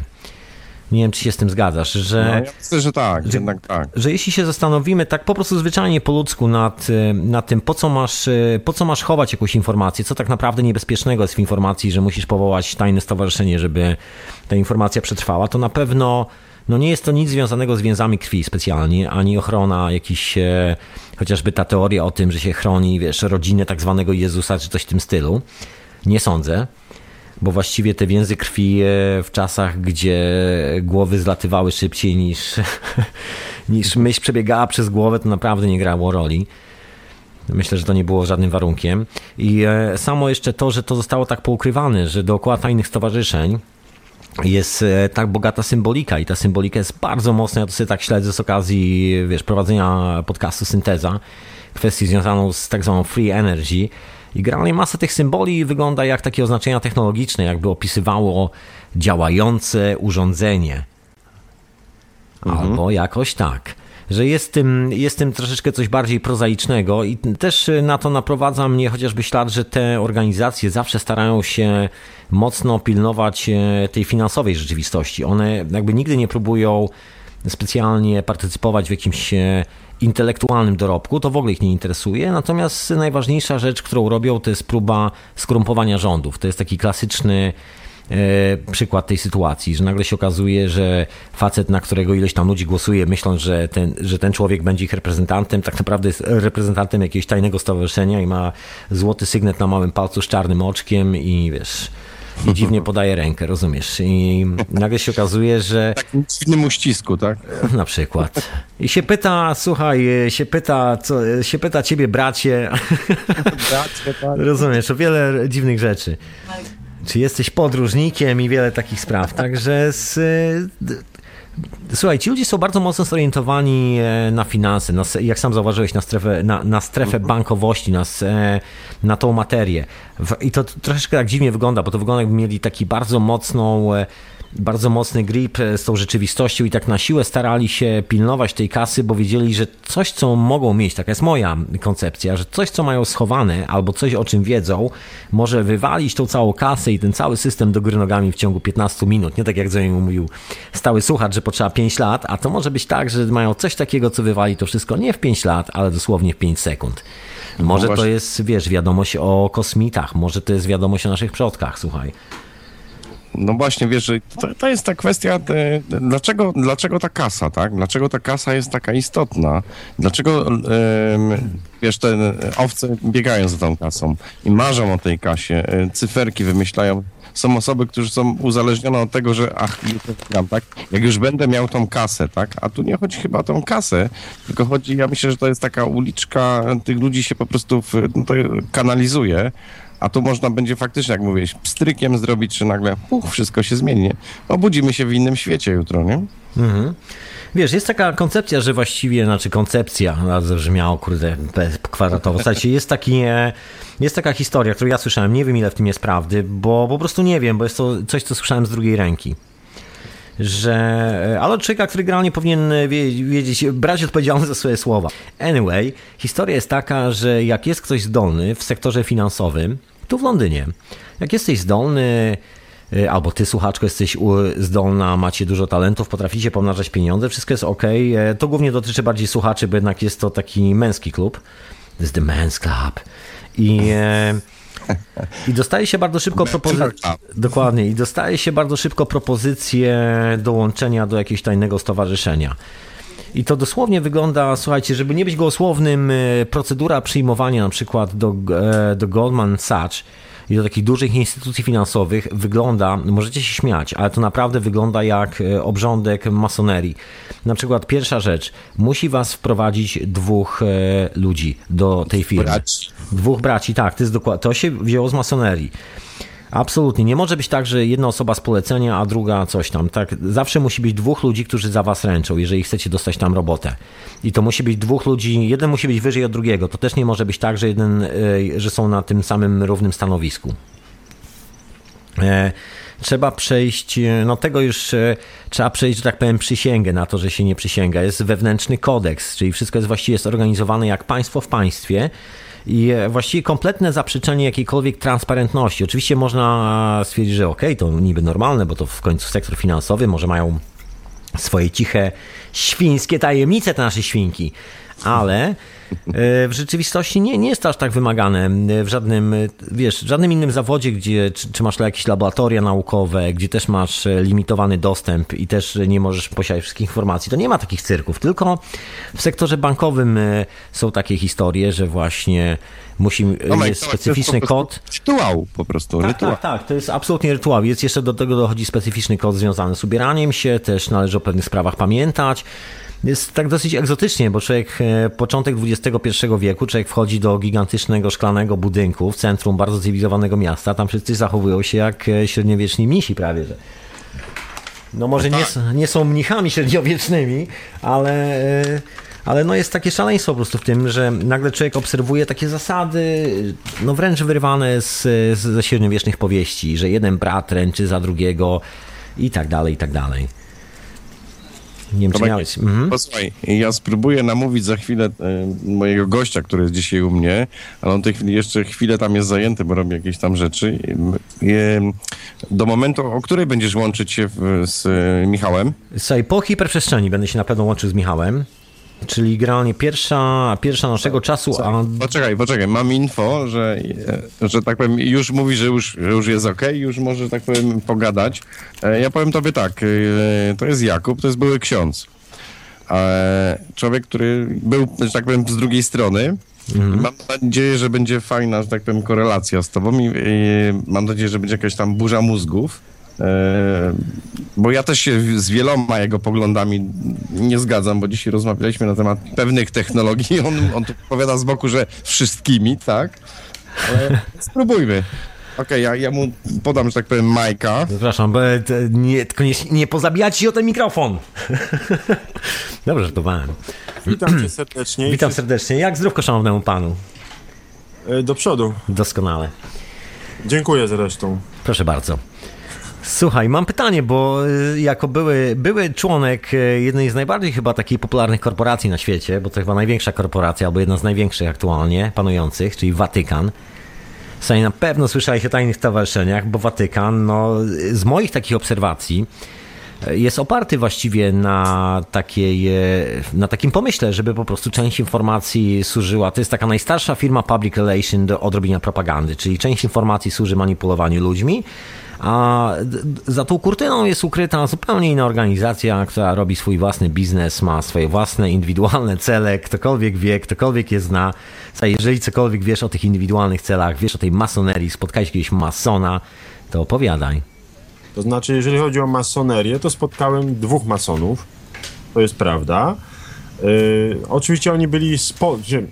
Mówili, że są spoza yy, kościoła katolickiego i rozmawiali ze mną. Ja z nimi rozmawiałem. Yy, Natomiast yy, wiadomo, że w samym kościele yy, przechodzi, po prostu przenika się masoneria i wy, na wysokich urzędach watykańskich są masoni. O tym się oczywiście nie mówi. Albo się, jak się mówi, to ktoś mówi, że ktoś jest chory. Jeżeli ja bym to głosił, to automatycznie powiedzą, że ja y, ze względu na to, że y, byłem księdzem, coś mi się tam nie udało i teraz próbuję się mścić na kościele, czy no, no automatycznie No, ja, tak będzie, słuchaj, ja, ja myślę tylko w Polsce, bo tu w Londynie, myślę, że Rob ci pokaże, jest e, siedziba tej najsłynniejszej angielskiej loży 33, która ma swoją oficjalną siedzibę, jest nawet specjalny kamień wmurowany nad, e, który ma też swoje pewne znaczenie symboliczne, o którym to nie będę mówił, bo to wszystko tam jest poukładane, ma swoje znaczenia. Taki specjalny kamień wmurowany na górze z numerem 33. Możesz się zapisać, możesz złożyć aplikację nawet do tej loży. Także nie jest to, e, wiesz, także nie jest to kwestia tego, że To tutaj, znaczy, że tutaj ktoś w to nie wierzy. zachęcasz, Ty, zachęcasz? Ty, Nie, nie, nie, słuchaj, nie jestem bratem, nie wprowadzę cię. A, a, no to, wiesz co, no to ja myślę, że już nie ma sensu co rozmawiać. Ja myślę, że się uda. Wkręcić, słuchaj. Znajdę jakiś, że znajdę jakiś kontakt, że coś... Słuchaj, no, ale- podejrzewam, że musiałbyś skończyć jakąś chyba prywatną szkołę w Anglii, bo jak na ironię, słuchajcie, drodzy słuchacze, to też jest taki fenomen, e, że to jest kasta w kaście, że członkami tej loży są głównie absolwenci koledżu, który mieści się w Eton. To jest taka mała miejscowość, to się nazywa College Eton. Eton College właściwie poprawnie. I to jest szkoła prywatna, do której e, jeżeli ktoś ma gigantyczną fortunę i chce, żeby jego dzieci miały przyszłość w polityce, w przyszłość e, w dużych korporacjach, szczególnie zajmujących się handlem ropą, naftą, kopalnymi, to wymień wysyła tam chociaż- dzieci. Tomek, wymień chociaż trzy nazwiska, takie najsłynniejszych tych y, świecznikowców tutaj w tej chwili, tak? E, To jest e, prime minister tego kraju, czyli Gordon Brown, znaczy da, dawniej Gordon Brown, teraz e, Cl- Clegg. No granie wszyscy ci kolesie, Blair, e, Cameron, e, ministrowie finansów, praktycznie cały brytyjski rząd pochodzi e, dokładnie z tej samej szkoły i to są ludzie, którzy, żeby było zabawniej, jeszcze e, należą już do pewnego tajnego stowarzyszenia. Ja nie wiem, na ile ono jest tajne, znaczy dla mnie jest na pewno tajne, bo ja nic na ten temat nie wiem, ale jest coś, coś takiego, co się nazywa Eton Eton Boys, czy jakoś tak, ma to jakąś tam swoją nazwę, bo tu wszyscy w Anglii tak pogardliwie mówią o nich, że to są właśnie Eton Boys, że są chłopcy z Eton, że jeżeli nie skończyłeś tego koleżu, to właściwie możesz zapomnieć o karierze polityka w tym kraju. Musisz e, mieć od początku koneksję. I żeby było zabawniej, tam jest e, taka organizacja studencka, do której klub, można powiedzieć, nie wiem, czy jest to masoneria, cokolwiek to jest, no nie skończyłem tego koleżu, ale jest coś takiego i jest to ogólnie jakby dostępna informacja, ogólnie dostępna wiedza, nie jest to tajemnica. Nikt o tym za bardzo nie lubi mówić, bo no bo to zawsze w takiej sytuacji, że mm, jak mówić o imprezie, na którą nas nie zaproszono. Tak nie fajnie. Dlatego być może ludzie o tym nie mówią tutaj zbyt często. Słuchaj, ale jak jest z tą masonerią w Watykanie? To znaczy, jeżeli chodzi o watykańską masonerię, ja tutaj y, dokonałem pewnej refleksji na temat wieży Babel, biblijnej wieży, że to wcale nie chodzi o budowlę i przestańmy szukać jakiejkolwiek budowli, która jest, tylko tutaj chodzi o to, że y, ludzie budują system. Jeżeli zbuduje się jeden system, na przykład religijny, bardzo łatwo jest y, zaimplementować tam do tego systemu jakąś na przykład błędną naukę albo błędne tajne stowarzyszenie, które zwi- no, chce zw- zwieść ludzkość e, w myśleniu, w działaniu, w postrzeganiu świata i dlatego moim zdaniem wieża Babel to też religia. Dlatego jakieś wyższe siły nie pozwalają na to, żeby była jedna religia, jedno państwo. Dlatego że wtedy jest naprawdę bardzo łatwo. Spadłeś z krzesła. Tomek, spadłeś z krzesła. E, nie, to tylko wy to słyszycie. Te, ja tu mam ściszony mikrofon, słuchacze go nie słyszą. Po prostu rozumiem. łyżeczka mi upadła od herbaty. No widzisz, no. To jest tajne stowarzyszenie, słuchajcie. Przeczytamy. Oni wszystko słyszą. Dokładnie. W każdym razie e, chodzi o to, że y, religia akurat chrześcijańska została podzielona, bo ona się zrobiła, była to religią, można powiedzieć, że była religią wolną z początku. Te, ten pierwotny kościół był religią wolną, a potem bardzo szybko weszły w tą religię, no bo wyobraźmy sobie świętego Piotra, tak? Słuchaj, bo, czekaj, bo ty który- tak przeskoczyłeś do świętego Piotra. Ja chciałem troszkę się cofnąć, bo, e, bo jest z tym związana historia taj, tajnych stowarzyszeń jak najbardziej. No tak, no ale i nie, so, jest to ja czasy tylko- jeszcze przed. Mhm. Ja dokończę tylko, że chodzi mi tylko o to, że y, wyobraźmy sobie świętego Piotra, który gdzieś tam ma swoich wyznawców, mówi im o, o, y, o orędziu, tak? Jest jakieś orędzie, więc on, on im je głosi. Jak on jest ubrany? On jest ubrany tak jak jego słuchacze, koniec, kropka, amen. Nie ma nic więcej. Jak był starszy, to się podpierał tam na pewno jakąś laską. I nagle kościół przechodzi w budynki, inaczej się ubierają kapłani, y, są jakby nad tym wszystkim. Psychologiczna zagrywka. I to jest ciekawe, nie? że automatycznie y, idzie y, trzeci, czwarty wiek, automatycznie idą po tej linii tych starych le- religii i to wszystko idzie, jest jakby zasklepione znowu w tych torach poddaństwa y, rzesz ludzi na rzecz y, naszego głoszenia. Musicie Demi, nas demonicznego demona, demiurga. Dokładnie, słuchajcie, bo ja chciałem wrócić do. My głosimy wam prawdę, wy musicie się nas słuchać. I, I mamy tych kapłanów, którzy tam występują w różnych szatach, czyli odmienność. Słuchaj, chciałem się zapytać o taki początek, bo wi- wiadomo, że jakby przed, e, przed tą sektą chrześcijańską, jakby to, to skąd ona wzięła cały swój background, na czym się oparła, to jest gnoza, gnostycyzm.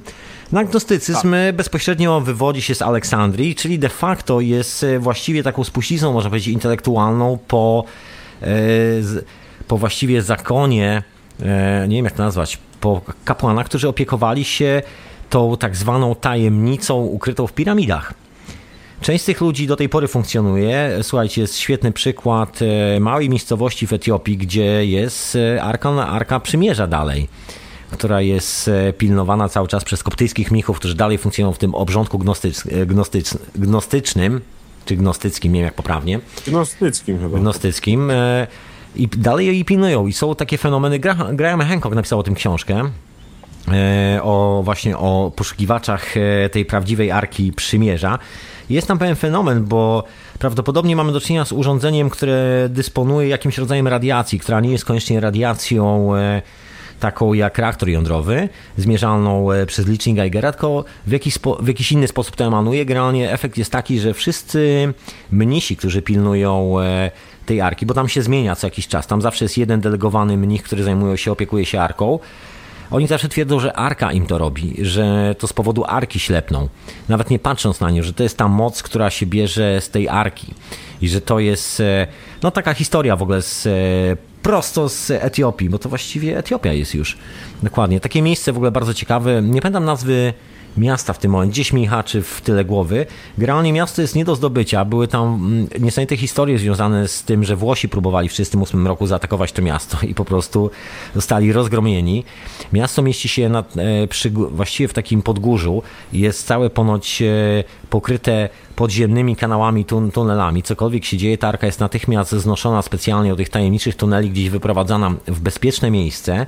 Na dodatek jeszcze całe miasto właściwie jest takim państwem w mieście, bo ma swoją własną milicję z karabinami, mają swoją własną armię i to jest takie wewnętrzne, takie po prostu pozamykane. To nie jest takie, że to jest et- etiopska albo jakaś narodowa armia, która tam pilnuje. Nie, nie, to są wszystko lokalni ludzie, którzy pilnują tego miasta żeby przypadkiem jakakolwiek armia czy ktokolwiek z zewnątrz nie wpadł i nie sprofanował no, chociażby Arki Przymierza, którą tam mają. No i tak chciałem się zapytać, wiesz, o te tajne stowarzyszenia troszkę pod tym względem. Czy masz, e, jaką masz koncepcję e, związaną z tym, skąd się biorą te stowarzyszenia? Ja tak ciągle biję do tego tematu, bo to jest taka myśl, która po prostu mi prywatnie chodzi po głowie, że wiesz, jeżeli chcesz e, coś ukryć przed światem, to generalnie najczęściej jest to technologia, z której e, skorzystanie przez kogoś innego powodowałoby, że no, przestajesz być, e, przestajesz, e, że tak powiem, no społeczeństwo przestaje być od ciebie uzależnione i od roli, którą pełnisz w tym społeczeństwie. Nagle może się okazać, że właściwie jesteś już nikim. Możesz sobie zacząć hodować marchewkę, ziemniaczki i własne pomidorki, bo już nikt nie będzie się ciebie słuchał jako autorytetu. Samo słowo gnoza, tak, to jest Mhm. poznanie, wiedza. Dokładnie. Tu jest bardzo ważny właśnie ten źródłosłów. Mhm. Gnoza to jest poznanie, wiedza, czyli poznanie czegoś, wiedza o czymś. No nauki Hermesa, czyli Hermesis. Y, Janko, przerwę, to chodzi o Aksum. Dokładnie, Aksum, dokładnie, miasteczko Aksum. I te tajne stowarzyszenia, jakiekolwiek by one nie były, one właśnie mają na celu ochronić pewną tajemnicę, czyli dostęp do, do pewnej wiedzy, do, y, do pewnego poznania. I tak jak mamy poznanie, ja, ja to biorę na, na gruncie złota. Jak ktoś odkrywał kopalnię złota czy złoża złota, przykrywał to tak, żeby tam nikt nie widział, że on kopał, leciał gdzieś po jakieś narzędzia, brał zaufanego człowieka i szli razem kopać. Nie więcej niż dwie, trzy osoby. Wiadomo, że potem wieś się roznosiła, ta złot, gorączka złota była i tak dalej. Ale to na, taki, na takich analogiach to działa. Więc te tajne stowarzyszenia, na przykład yy, ostatnio żeśmy jechali autobusem, to co Robertowi mówiłem, yy, on mnie zainteresował yy, energią kształtów czyli wy, wykorzystywanie kształtu do czegoś, tak? Do energii, żeby. To bez znaczenia ktoś powie, no jeż, no ktoś sobie kamienicę postawił, no co No, tutaj... słuchaj, e, nie przez nie ma przypadek. nic. Nie ma nic w żadnych takich budynkach czy w czymś, no ale popatrzmy na kościoły, na zamki, popatrzmy. Przyjrzyj się, możemy się przyjrzeć uważnie, bo już mamy takie urządzenia pomiarowe, e, temu jak kształt naprawdę emanuje energią. I nie przez przypadek, jak przyjrzysz się na to, jak wyglądają na przykład e, satelity projektowane przez nas. One mają na przykład e, z reguły kształt doskonałych platońskich brył. Właśnie dlatego, że propagacja energii jest wtedy, tak- że tak powiem, najzdrowsza i największe szanse, że owa maszyna w kosmosie po prostu przetrwa długo w tych Dokładnie. skrajnych warunkach. Dokładnie. I teraz y, jedziemy autobusem i jest cała kwatera w Londynie, jest tam budowane. Robert mi mówił, bo jechaliśmy na górze, y, bo trochę, trochę mnie oprowadza po mieście, pokazuje różne... Rozumiem, to frajda z jeżdżenia górą double deckerem e, przy dużej szybie z przodu, rozumiem, też to pamiętam. różne miejsca tu w Londynie i mówi, ty popatrz, popatrz, oni tu już podlewają. I stoi taki blaszany, rzeczywiście, to nie jest blaszany płot, to jest mur taki postawiony czarny. No i żeśmy koło tego przejechali, ale nas zainteresowało, że w środku tam są te koparki i tam już podlewają woda jakaś, ale to jest ogromny teren, naprawdę, to ja wiem, tam ze dwa, z półtorej hektara na pewno jest.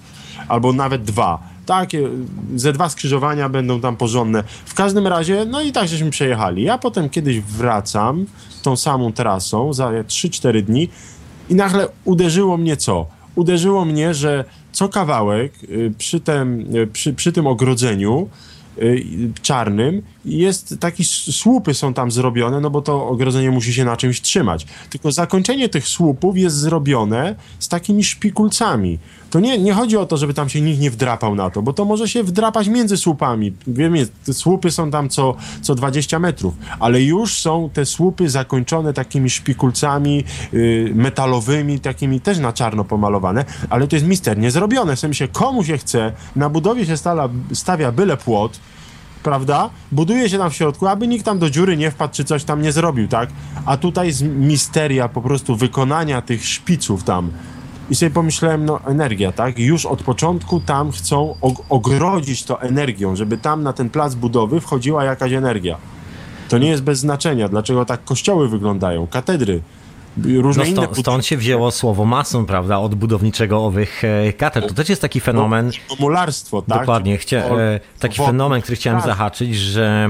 E, że ludzie, którzy posiadali tą wiedzę, to jest taki fenomen, że katedry zostały wybudowane w bardzo krótkim okresie historii, przynajmniej te prawdziwe katedry. My często nazywamy niektóre kościoły katedrami, ale nie wszystkie są katedrami. Tak, tak. Katedry, katedry to jest taki fenomen. Katedry powstały dokładnie tuż przed albo chwilę po, właściwie chwilę przed krucjatą abigejską, kiedy w, w całej Europie, poza tylko Królestwem Rzymskim, e, rządziła, co tu dużo mówić, herezja i gnoza. Dokładnie. E, I tylko był taki bardzo wąski korytarz chrześcijaństwa, który znajdował się we Włoszech, e, troszeczkę w, na południu Francji, a to też właśnie nie za wiele, bo reszta to byli po prostu tak zwani heretycy. I że katedry budowali de facto heretycy, którzy posiadali gnostycy, którzy, jak wspomniałeś, po- gnoza to jest wiedza, posiadali tą wiedzę. I wszystkie te katedry zostały zbudowane dokładnie w przestrzeni, zdaje się, chyba 30 lat, dosłownie. I nikt później po nich nie powtórzył tej sztuczki. One były przebudowywane. Żadna katedra później nie była już postawiona od początku do końca, tylko były mm, rozbudowywane. Tak, Czyli- natomiast, natomiast tymi z, organizacjami, jak to jest jeszcze, ja chciałbym szczególną uwagę zwrócić na to, że na przykład biskup biskupowi nierówny, kardynał kardynałowi też nie jest równy w wykształceniu i w umyśle. Niektórzy rzeczywiście w ogóle nie są zdolni do tego, żeby pomyśleć. Oni są jakby na usługach, nie podejmują refleksji, tylko bezmyślnie powielają to, co przyjdzie ze stolicy apostolskiej, z jakiejś tam dykasterii i no, muszą to zrobić, no bo prawo ich obliguje do tego. Natomiast y, skąd, y, dlaczego ja mówię w ten sposób? Pamiętam, jak y, było spotkanie i na tym spotkaniu opowiadał jeden z księży, jak to y, były, nało- były nakładane ręce na ludzi i ludzie, po- ludzie po prostu się kładli i y, no, na ziemi, tak padali. To jest tak zwane zaśnięcie w Duchu Świętym. Jedno z y, bardzo mocnych doświadczeń pierwotnego Kościoła, coś, co jest podstawą, można powiedzieć, y, doświadczenia religijnego, czy powinno być, i nagle wyobraźcie sobie, siedzimy, ja, ja pamiętam przy obiedzie, żeśmy siedzieli i ten ksiądz jeden to opowiada. Mówi, pierwszy raz coś takiego widziałem. I za, a ten ksiądz miał już prawie 40 lat kapłaństwa. To proszę sobie wyobrazić, tak samo jak lekarz ma 40 lat, tak, praktyki. I nagle dowiedział się, że nagle mówi, to, to tak robi, operacja na tym polega? No niemożliwe. Słuchaj, I to a- jest dosłownie tak. I wyobraźcie sobie, y, że drugi ksiądz, który przy nim siedział, 30 lat kapłaństwa, no, no prawie 30. Do mnie tak szturnął mnie łokcie, mówi, o czym on mówi?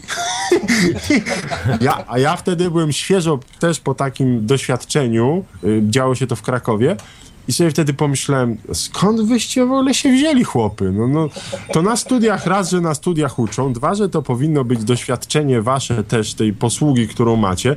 I sobie wtedy zorientowałem się, że no tak, wy możecie być po prostu ślepo wykonywać różne rzeczy, a wami ktoś tam rządzi. I tak samo tutaj jest y, grupa wpływowych biskupów, jest grupa wpływowych kardynałów, i, i po prostu tam dzieją się rzeczy. No, to, co mówił jeden z księży, który został, został y, wyśmiany przez internet również mocno, y, a chodzi mi tutaj o księdza, no wyleciało mi z głowy, ale z podkrakowskiej miejscowości, to jest ksiądz, zaraz sobie przypomnę, jego filmiki były na YouTubie i on mówił o tym, że w bazylice świętego Pawła za murami, y, jak był papieżem Paweł VI, doszło do odprawienia czarnej mszy. Spotkali się kardynałowie, biskupi i wzięli tam jakąś dziewczynkę, 13-letnią chyba. Y, Jonatanku?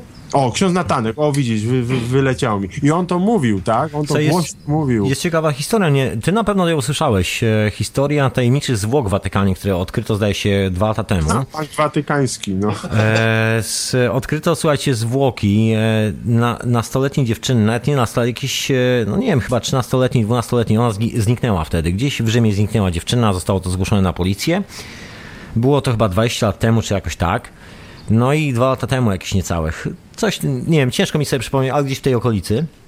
E, Ktoś przypadkiem, jakiś konserwator, e, zewnętrzny konserwator w Watykanie, bo oni tam też zatrudniają ludzi z zewnątrz, który coś tam robił przy tych kryptach, musieli od strony sprawdzić. Okazało się, że w jednej z krypt, w której powinny być jakieś zwłoki jakiegoś mnicha, cholera wie kogo, znaleziono zwłoki owej dziewczynki. Nie wiedziano jeszcze na początku, że to zwłoki tej dziewczynki.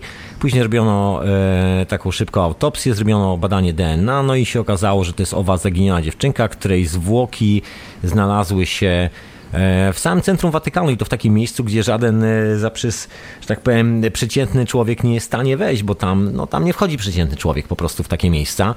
No i ktoś to musiał zorganizować, zaaranżować, te zwłoki tam zanieść i to podejrzewam, że no może brzmi troszkę na wyrost, ale to też takie świadectwo troszeczkę jakiejś być może tajnej organizacji wewnątrz Watykanu, która co jakiś czas e, potrzebuje jakiejś takiej 13-letniej dziewczynki, nie wiadomo po co, żeby być może zrobić jakiś swój tajemniczy, tak jak mówisz, e, rytuał, czyli tą czarną mszę. Co to jest w ogóle ta czarna mszę? Czy możesz troszkę więcej powiedzieć na ten temat? Bo to, sobie, to jest, wygląda to państwo, e, wewnętrzne państwo e, w dużej korporacji, która tak czy siak jest po prostu osobnym państwem.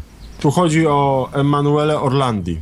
Okej. Okay. To jest Emanuela Orlandi. Oczywiście to są za, y, zamieszane w te wszystkie sprawy różne y, tajne służby y, mhm. państw. Oczywiście y, zamieszani są tutaj y, też terroryści. Y, są też zamieszani ludzie oczywiście z, z krajów wschodnich, z Turcji, tak? Tutaj z, okay. można powiedzieć terroryści. Natomiast nie, nie chcę tutaj łączyć, że Turcja i terroryści, tylko akurat tam mhm. ugrupowanie terrorystyczne z Turcji pochodziło. No i ja powiem tak, że te tajne organizacje, szczególnie w Watykanie, no, no nie wiemy, tak? My tego tak naprawdę nie możemy sprawdzić. Dlaczego? No bo jest wolność przemieszczania się. Biskup jak jest na jakimś terenie, to musi zgłosić. Słuchaj, ale tak się sprawdzam, bo tak, mamy no. tu gościa, bo mamy tu gościa, witam serdecznie Jarku. Halo, halo. Cześć.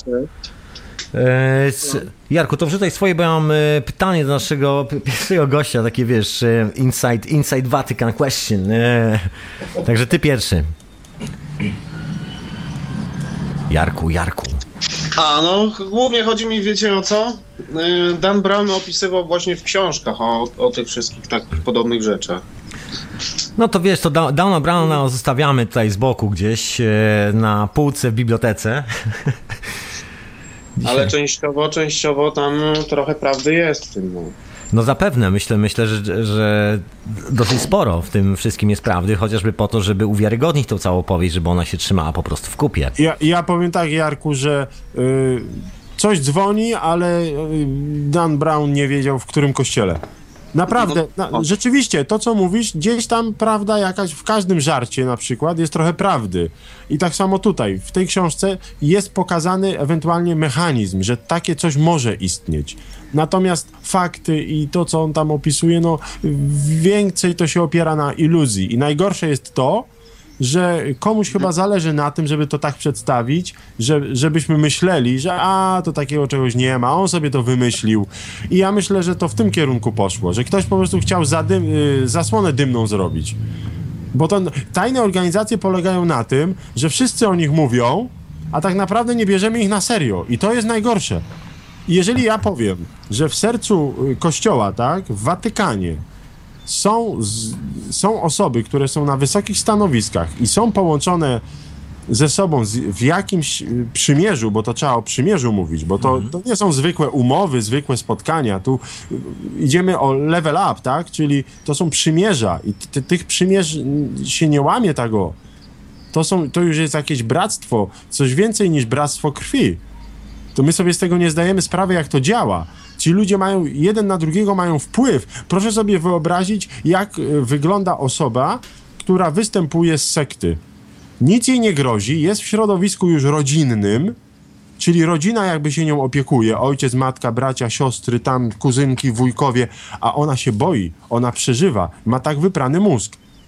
Myślicie, że to nie dzieje się gdzieś wyżej? Dzieje się, tylko jeżeli ja to mówię, to mówię, pierwsza rzecz, wszyscy powiedzą, czy tam większość powie, że a, yy, nadepnę, na, na, nadepnął mu ktoś na odcisk, teraz szuka odwetu. A to jest nieprawda, bo ja absolutnie nie szukam odwetu na kościele. Yy, następna rzecz, e, to jest niemożliwe. No, gdzie, nie, na pewno to jest niemożliwe. No gdzie kardynałowie? No co? Nie, nie, nie, to jest niemożliwe. A to jest możliwe. Słuchaj, jeśli to, tak, jest, to jest pewne. Jeśli tak spytam ciebie, czy przypadkiem e, gdzieś tam pod ręką, jak spotkałeś jakichś masonów, to czy przypadkiem nie trafiłeś na jakieś tajemnicze, nie wiem, dziwne obrządki, zachowania e, w tej dużej watykańskiej korporacji, które by, no nie wiem, zmuszały troszkę takiej refleksji, że to chyba nie jest normalne. To znaczy ja, na, ja, ja mogę tyle powiedzieć, że ja byłem najniżej w hierarchii jak się da. Yy, No ale gdzieś słuchy, słuchaj, ale gdzieś słuchy o tym musiały Słuchy chodzić, zawsze, podejrzewam. słuchy zawsze chodzą. Y, Zazwyczaj chodzi o pieniądze, tak? Czyli y, ci mm, biskupi mm, czy kardynałowie, To, którzy, mówią, kasa, którzy kasa, mają kasa. pieniądze, tak? To widać, to widać. To w zasadzie oni gdzieś tam muszą przynależeć. Bo y, mówię, biskup biskupowi, y, kardynał kardynałowi nierówny i są kardynałowie, którzy naprawdę niewiele mają. Wiesz, tak się zastanawiam, Jeden czy- z kardynałów był na przykład na misji i on przyjechał, on, on w ogóle nie miał chyba tam za co sutany tej czerwonej kupić. To tam mu kupili, ale, ale to był, można powiedzieć, pioneczek, tak? To był pioneczek i w zasadzie się nie liczy. No pamiętajmy, kardynałów jest tam ponad setka. Ja już nie mówię o tych emerytowanych, tylko tych, którzy wybierają, yy, na jaką klawę mogą wejść. I to są układy. No, no nie czarujmy się. Tam, gdzie są ludzie, to są układy. No, no i tyle w temacie. Słuchaj, wiesz, chciałem się spytać, czy na przykład trafiłeś na kogoś, kto jeszcze, że tak powiem, posiadałby tą oryginalną wiedzę owych e, wolnomularzy, czyli na przykład zdawałby sobie sprawę z tego, że odpowiedni kształt okna w e, kościele powoduje, że czujesz się w nim troszeczkę lepiej, a nie gorzej. Rzecz polega na tym, że w początkowym okresie ci wolnomularze y, mieli tą wiedzę o kształcie, y, o energii kształtu i dlatego y, kościoły były budowane w- tej wiedzy i one, ta energia jakby była na użytek kościoła, ludzi, którzy się tam gromadzili. Było miejsce mocy. Potem jak, potem jak się to przerodziło w masonerię, to automatycznie y, wszystkie budynki sakralne, można powiedzieć, są torpedowane y, symbolami masońskimi, zawartymi właśnie gdzieś tam trzeba było umieścić. To, co ty mówiłeś, że przy przebudowywaniu, przy, przy dekorowaniu, automatycznie, żeby co? Żeby tą energię skierować na tych ludzi, którzy mają z tego czerpać. Nie wszyscy, którzy są w tym budynku, tylko na zasadzie, jeżeli coś już jest zbudowane, to tak jak jest promień. Promień światła leci gdzieś tam, to postawmy lustro, żeby go skierować w naszą stronę. I tak samo tutaj, wszelkiego rodzaju figury, wszelkiego rodzaju nowe płaszczyzny i nowe kształty, które są wprowadzane do architektury, do budynku, który już stoi, tak? Po to, żeby odbić tą energię w naszą stronę. I, yy, i to się dzieje. I popatrz, popatrzmy, jak ten kościół yy, współcześnie wygląda, to miejsce yy, gromadzenia się wiernych. Ja nie mówię tylko i wyłącznie o kościele katolickim, tylko w ogóle mm, o budynkach sakralnych. One są miałkie. A może właśnie takie mają być, Może. żeby osłabić tą część, prawda? Osłabić ludzkość w ten sposób, z tej części właśnie energii y, kształtu. I na przykład ostatnio żeśmy właśnie z Robertem też rozmawiali, znowu w Londynie jedziemy i przy takiej jednej z restauracji, która rzeczywiście y, gromadzi chyba, musi gromadzić białe kołnierzyki, Mm, Wiemy o kogo chodzi. Y, Przy tej restauracji, przy oknach y, stoją, są posadzone drzewka. I te drzewka są idealnie wycięte, korony tych drzewek w kule. Przecież o wiele szybciej i o wiele łatwiej jest mieć takie drzewko i zrobić z niego kwadrat. Po prostu sześciokąt, tak? Sześcian, przepraszam. Sześcian zrobić. Bierzemy nóż, ciach, ciach, po płaskich, a tutaj idealnie kule zrobione. No po co? Po co się trudzić? No bo jeżeli ktoś się nad tym natrudził, tu jest jeszcze drzew, żywe drzewo, więc to jest ta energia. To to nie jest bez znaczenia, naprawdę. E, No wiesz, nie jest bez znaczenia, tu też w Anglii nie ma aż takiego mocnego drugiego dna, bo często, co dużo mówić, przyznam się szczerze, sam e, ścinam swoje drzewa w ogrodzie w kształt kulki. No teraz tak, ale, Rozumiesz? ale to działa na twoją korzyść wtedy, prawda? E, Nie wiem, po prostu tak Twoje drzewo, to jest twoje drzewo. To z jednej strony to ładnie wygląda. ładnie wygląda. To jest kwestia też estetyki, że ścinam Ale- na jajko. Znaczy, ok- okej, e, wiem, Krągłe wszystkie rzeczy, które są e, zakończeniem tych e, jakichś tam słupów, nie słupów. E, no, okrągłości też są w filarach. Przy, No, przy, prawdę mówiąc, zdaję sobie sprawę z tego, że te okrągłości są bardziej zdrowsze dla mojego oka niż kanciaki. Doskonale o tym, e, o tym wiem, przynajmniej tak to czuję. No nie dziwię się wcale, że, e, ale wiesz, świadectwo tego, co mówisz, jest takie, że po prostu jak na razie żaden e, z wysokich urzędników tej korporacji watykańskiej nie przeprowadził się do aluminium i nie postanowi, do aluminium pełnego szkła i nie, nie postanowi jeszcze zburzyć tej swojej kolumniastej bazyliki, czy co tam mają, z tymi kolumnami i wszystkimi rzeczami, na rzecz wybudowania nowego budynku, który jest płaski. Ale po co? Nie, no, Dokładnie. No, po, po co burzyć tamto, jak można z tego korzystać, jak już coś jest zbudowane, nie? I oni z tego korzystają.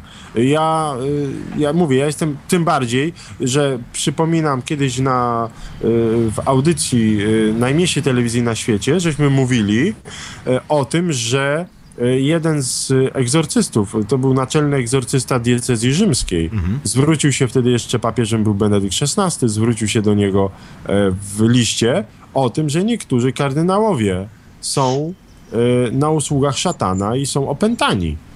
A, to, No i- to, tak przewrotnie brzmi. Jak można pracować dla Watykanu i nie Jak być na można, prawda? usługach Jak szatana? Następna rzecz jest taka, że ty mówisz, jak wyglądają te czarne msze. Yy, no sataniści, tak? To są sataniści. Absolutnie nie wiążcie satanistów z tymi, którzy chodzą na czarno ubrani, mają przewieszony krzyż do góry nogami na łańcuchu.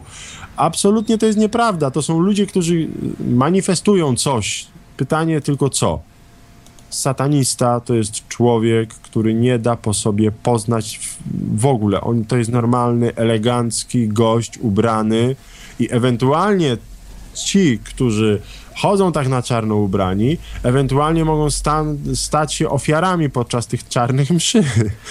To ty, tylko No podejrzewam, że to jest bardziej są w tą normalne, stronę. słuchajcie, to są normalne mieszkania, yy, czy apartamenty, czy to są normalne domy. Tak, domy. Oni po prostu mają to yy, rolety, które spuszczają z różnymi pentagramami, tam już jest wszystko narysowane, robią sobie taką kaplicę, bo to nie może być kaplica, bo ja, jakby ca, czasem coś złego się stało, nie wiem, jakiś kataklizm czy coś, prawda, to y, ktoś, kto wszedł do takiego pomieszczenia y, delikatnie zburzonego, czy tam, wyobraźcie sobie, od razu by zobaczył, że to jest jakaś świątynia szatana. A tutaj to są po prostu rolety, które się chowa i, i to jest normalny pokój. I nagle można z tego w ciągu 10-15 minut zrobić kaplicę na obrzędy szatańskie. Nie używa się, y, jeżeli chodzi o czarną mszę, to to, co jest w czarnej mszy, jest odwrotnością mszy, e, która jest w kościele, czyli nie używa się złota. Wszystkie y, te paramenty do tej mszy są ze srebra albo z miedzi. To jest pierwsza rzecz. Druga rzecz. Wygląda troszkę jak, e, jak kwestia informacji dotyczącej troszeczkę urządzeń związanych z, z przypływem prądu elektrycznego. Wiadomo, że miedź i srebro wbrew pozorom są często lepsze niż złoto.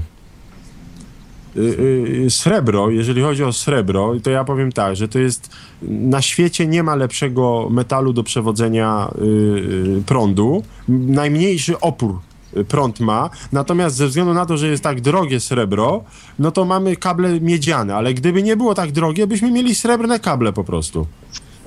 Słuchaj, tak przerwę na chwilę. Ciebie ja E, tu mam jeszcze gościa. Jarku? Tomek, Tomek, poczekaj na sekundę. E, takie pytanie. Kto jest największym producentem srebra na świecie? KGHM SA, e, tak to się nazywa. E, Jarek, czy jesteś z nami? Tak, tak, jestem. Słuchaj, to Ja- rzucaj, rzucaj swoje pytanie, bo ja tak staram się nie mieć zbyt dużo ludzi na jednym łączu, żeby nas nie zrywało potencjalnie. Ja tylko tak wspomnę o Nisamie Harameinie. On właśnie o tych energiach mówił, o tych e, markabach też takich. Mhm. No, do, ciekawych tych strukturach, tych torusach. i- Jarek, na sekundę ci przerwę, wiesz, y, my tu mamy tak kontakt y, z Dorotą Ziębą Biłek i Dorota y, robi y, wszelkiego typu rzeczy, żeby sprowadzić Harameina do Polski. Mam nadzieję, fajnie, że, że jej się uda. Ona tu przed, była tydzień temu właśnie, byliśmy właśnie, jak Jakub, to nie ma, nie ma przypadków. Jakub po prostu podczas pierwszego dnia przyjazdu, ja go zabrałem właśnie na wykład Doroty, no i Dorota potwierdza, no facet, no słuchajcie, jest kwestia, że tak powiem, finansowa, tak? Bo to jest człowiek, który przyjedzie, on, on generalnie nie lubi mediów. Lubi media. Spokojnie człowiek. Nasri jest bardzo spokojnym facetem. Ale mam nadzieję, że się uda i to, to taki będzie sukces, taki polski sukces, y, jak, jak Dorota go pociągnie. Dorota no, potrafi robić rzeczy dziwne, różne. E, Sprowadziła e, Dolores Cannon do Polski, osoba, która robi regresje hipnotyczne od 50 lat. Zresztą Dorota robi to od 5, już też, też ma duże doświadczenie i e, tak trochę przewraca ten cały świat i i nie tylko naukowy, ale ten właśnie ten ezoteryczny, tak? E, No my z Dorotą tam już y, parę godzin żeśmy sobie pogadali poza, poza jakimiś tam e, kamerami E, i muszę wam powiedzieć, że no dzieje się, po prostu dzieje, dzieje się tak mocno, że no za chwilę może się, może się wiele jeszcze wydarzyć i, i, i myślę, szukam właśnie tego źródła, żeby, żeby to wywalić właśnie i pokazać to wszystko. Dlatego na przykład dzisiaj Jakub się pojawia u, w, u, w Radiu na Fali oczywiście. Dokładnie. W hiperprzestrzeni w radiu na fali retransmitowanej też w radiu No. Paranormalium. Moi drodzy. To ja to będę się wyłączał, no. Dzięki Jarku. To był, e, to był Jarek, a my tu mamy Jakuba, eks-pracownika korporacji.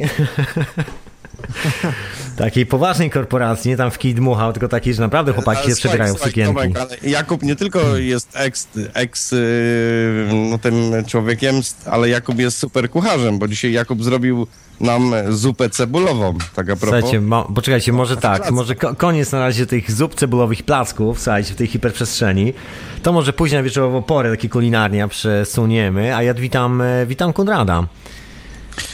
Ja zacznę tak. Niech będzie pochwalony Antychristos, y, Kunrad 44. Nie wiem, jak mam się tutaj czuć, Niezwykła- słuchajcie, jestem jedynym heretykiem po prostu starej wiary. Niezwykłe słuchowisko, więc y, myślałem, że zajrzę, ale nie mogę się oderwać od, od y, tutaj waszej audycji. Coraz ciekawsze tematy. Nagle się pojawia były kapłan i, i, i, mówi o, Magia radia na fali. o, o całym tym kościele, jego, jego dziwnych e, powiązaniach i praktykach, no to pomyślałem sobie, no nie może być tak, żeby do takiej audycji Antychristos nie zadzwonił. Więc pozdrawiam e, byłego kapłana Jakuba. Antychryst się przedstawia. Ja nie wiem, czy będziecie chcieli ze mną porozmawiać, ale y, chcę tylko powiedzieć, że jak mogę to spróbować udowodnić, jakbyście chcieli włączyć telewizję brytyjską, bo różne są podejrzenia na, na mój temat, że się przedstawiam jako antychryst, antychristos, że jestem agentem tego, tych, tych Bilderbergów. No nie zaprosili mnie do Danii, jestem dalej w Londynie.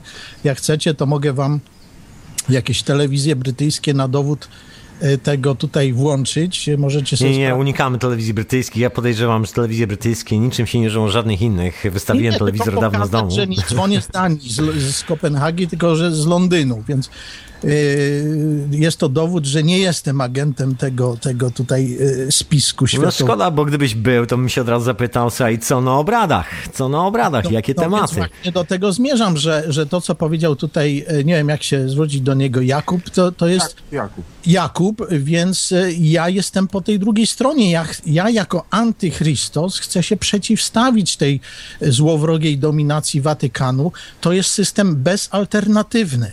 Y, y, y, Lud jest tak ogłupiony, ja nie, nie wiem dlaczego Jakub, czy tam paru innych byłych księży odeszło z kościoła. Oni się czasem wypowiadają, ale ja też odszedłem z kościoła, ale nie, nie mam dokąd pójść, a materializm i, i ateizm nie jest dla mnie odpowiedzią. Dla, ja też odkryłem Czyli masonem nie zostaniesz, bo No, tam jest jednak e, mocne ciśnienie na, e, na fetysze, wiesz, jest e, ten rytuał przyjęcia do masonerii, tam są różne przedmioty, które dostajesz do ręki i to są takie fetysze i musisz bardzo mocno się, że tak powiem, z tym skleić. To jest, e, no ale to taka klasyczna historia, że jest to mm, przedstawienie wszystkich czterech sił fizycznych mocy, które funkcjonują na świecie i przysięgasz na te cztery fizyczne moce, zaprzysięgasz im duszę, de facto, na tym to polega. No i e, jak zaprzysięgniesz im duszę, przechodzisz przez kolejny stopień wtajemniczenia, zostajesz e, kolejnym wielkim masonem, czy jakoś tak. Nie wiem, nie byłem masonem nigdy, nie zamierzam. Także... Nie mów hop, nie mów hop. E, Nie interesuje, poznałem, słuchajcie, poznałem, poznałem dżentelmenów, o których mogę powiedzieć. Nikt głośno tego nigdy nie powiedział, ale należeli do tego bardzo specyficznego klubu i myślę, że nie chciałbym mieć w tym samym towarzystwie co ci Ale słuchajcie, co jest ciekawe, że ja spotkałem na początku... mm, No właśnie sobie opowiedz o swoim spotkaniu. No To, to spotkanie było... To było tak, że ja akurat byłem wtedy w Warszawie. Y, Byłem w Warszawie, y, tam było takie spotkanie zorganizowane. W zasadzie spotkanie było luźne, tam żeśmy rozmawiali, ktoś mnie tam przedstawił, y, różne nowe osoby były. No i, i tak od słowa do słowa, potem gdzieś na wieczór y, wyjście na miasto. No sobie myślę, gdzie ja będę chodził, no już ciemna noc prawie. Ja miałem pociąg, ale mówię, a to wcześniej może wyjdę, bo do Krakowa miałem wracać. I wyobraźcie sobie, no i, i tych dwóch, y, którzy wcześniej byli na tym spotkaniu, to był chyba Rafał i Tomek. Pamiętam, to tak, to pamiętam te imiona. Też I, mam na imię Tomek, ale to nie ja. Obiecuję wam, przysięgam wam, to nie ja. Tomek, Tomek, e, to tak trzeba taką parafrazę zrobić, tak? W kwestiach tych to, TW, tak? TW, tak. To, to teraz mamy TM Jakub. Towarzysz Ale nie przerywajmy, Basniak. bo jest opowieść, a my tak przerywamy bestialską. no Jakubie, właśnie. przepraszam bardzo, przepraszam, aż się gubię. No, no właśnie, nie przepraszaj, tylko się popraw. Tak też będzie. Zachowałem się jak gówniarz. Nie będę, wyrażam skruchę, to się więcej nie powtórzy. No właśnie. Pokutę na, poza anteną ci zadam. Damn, ja heretyk, zaraz złapię za jakieś krzesło i karnister z benzyną, słuchajcie. E, Nie chodzi o to, żebyś tam też ofiarę złożył, ale to zostawmy. wezmę zapałki jeszcze dodatkowo, jakby zapalniczka nie zadziałała, wiesz? Natomiast chodzi o to, że bardzo uprzejmi byli. Ja na początku nie zorientowałem się o co chodzi. Ja myślałem, że oni chcą jakieś stowarzyszenie założyć, że, że, a oni potem patrzą, że to brnie w taką, w taką stronę, że no niestety, ale y, tutaj chodzi właśnie chyba o masonerię i bardzo szybko to wyczułem. To jest ciekawe. Normalnie to bym tak nie wyczuł chyba. A tutaj widzę, że oni otwarcie, ale to była rozmowa tylko i wyłącznie między nimi a mną. Myśmy byli tam w większej grupie, 10 osób i tam co, co żeśmy Ja- Jakub, powiem ci, że miałeś po prostu klasyczne branie. Jeżeli dwóch podchodzi do ciebie i dwóch ci proponuje, to znaczy, że to jest branie. Dla... Ja, ja oczywiście zostawili swoje wizytówki.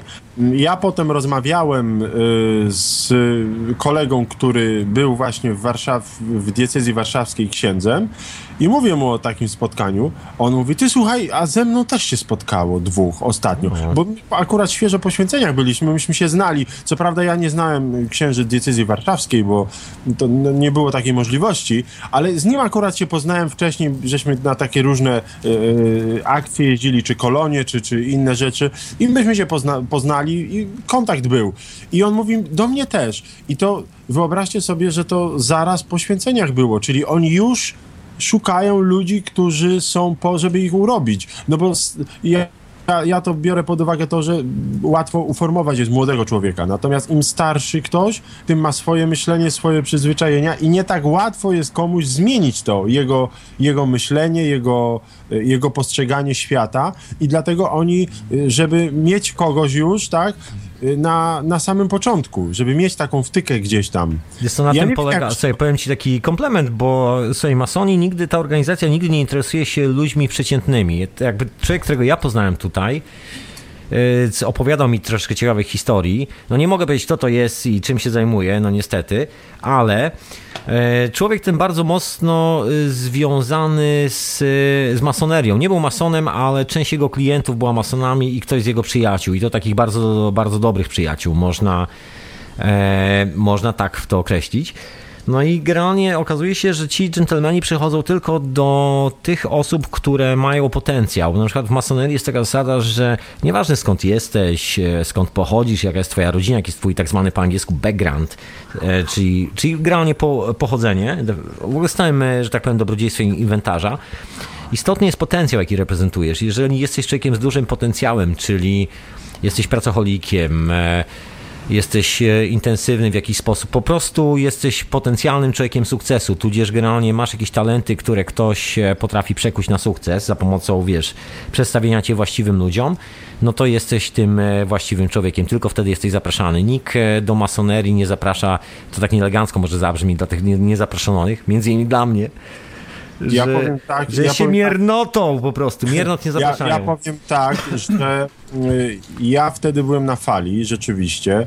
Y, Przypominam sobie, że mm, parę miesięcy wcześniej prowadziłem dyskotekę na 1500 osób. Y, Dosłownie, no to był rzeczywiście no, mój czas, bardzo dobry. I ja myślę, że to gdzieś tutaj, w, w tych okolicach, to poszło jakaś informacja, czy oni byli tam, czy ktoś tam powiedział, nie wiem, ale rzeczywiście chodzi o, o ten potencjał. Tomek, widzisz, wykopałem dinozaura. Tam dinozaura. Wiesz, ile jeszcze po ziemi chodzi takich? E, właśnie się spotykają teraz e, w Kopenhadze. Przypominam Jest wam, że... O... I tak zamilkł coś.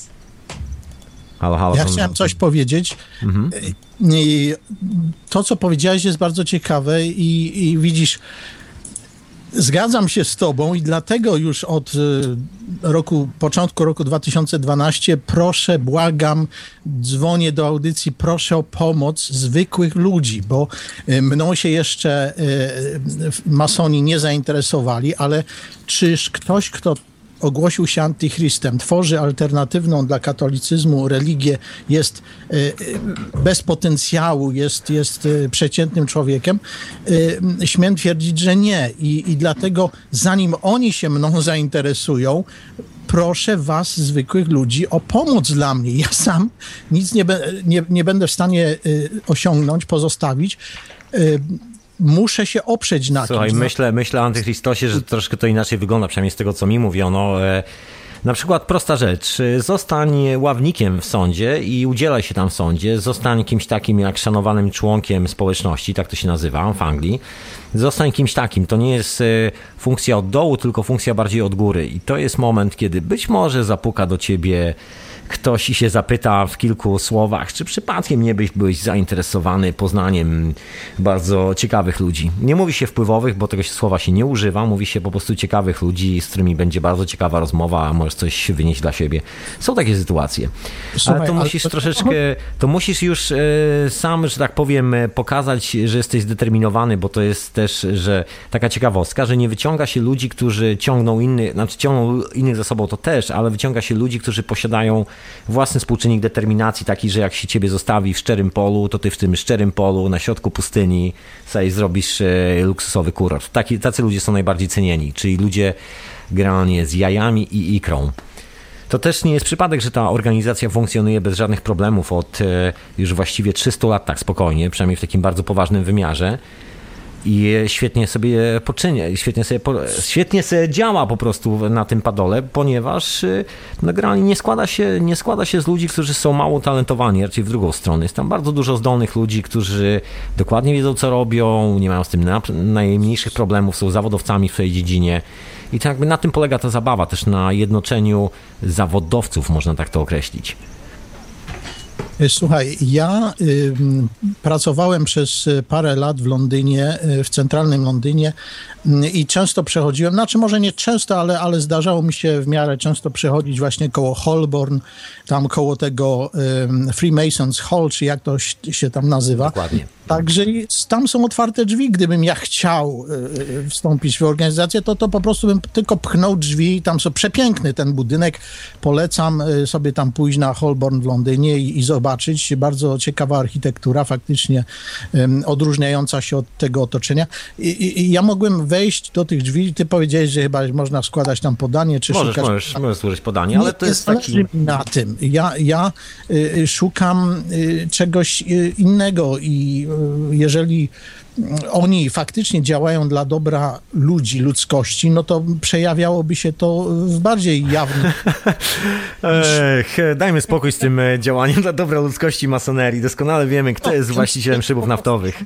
Moim celem, i mówię to jasno i, i wszyscy się ze mną śmieją, ja mówię, że chcę działać dla dobra ludzi, zwykłych ludzi, ludzkości, y, bez jakichś y, ukrytych, jak to się O, mówi, dzięki, słuchaj, to, agenda, to, agendas. to sympatycznie brzmi, słuchaj. Niemniej to zostawmy to działanie na rzecz dobroci ludzkości, bo dzisiaj, dzisiaj wyjątkowo, bo mamy taką e, okazję, spotkanie grupy Bilderberg w Kopenhadze, rok temu było w, tu w Londynie.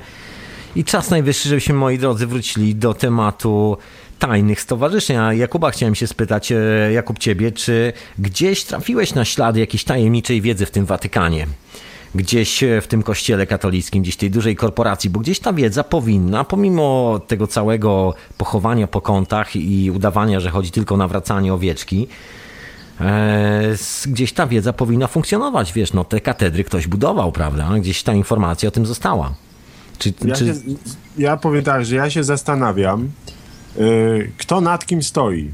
Yy, jeżeli chodzi o tajne stowarzyszenia, yy, no wiadomo, tajna wiedza. Każde tajne stowarzyszenie ma jakąś wiedzę na jakiś temat. Im temat jest ogólniejszy, który by dotyczył w ogóle zasad świata czy funkcjonowania człowieka, tym to stowarzyszenie jest bardziej tajne.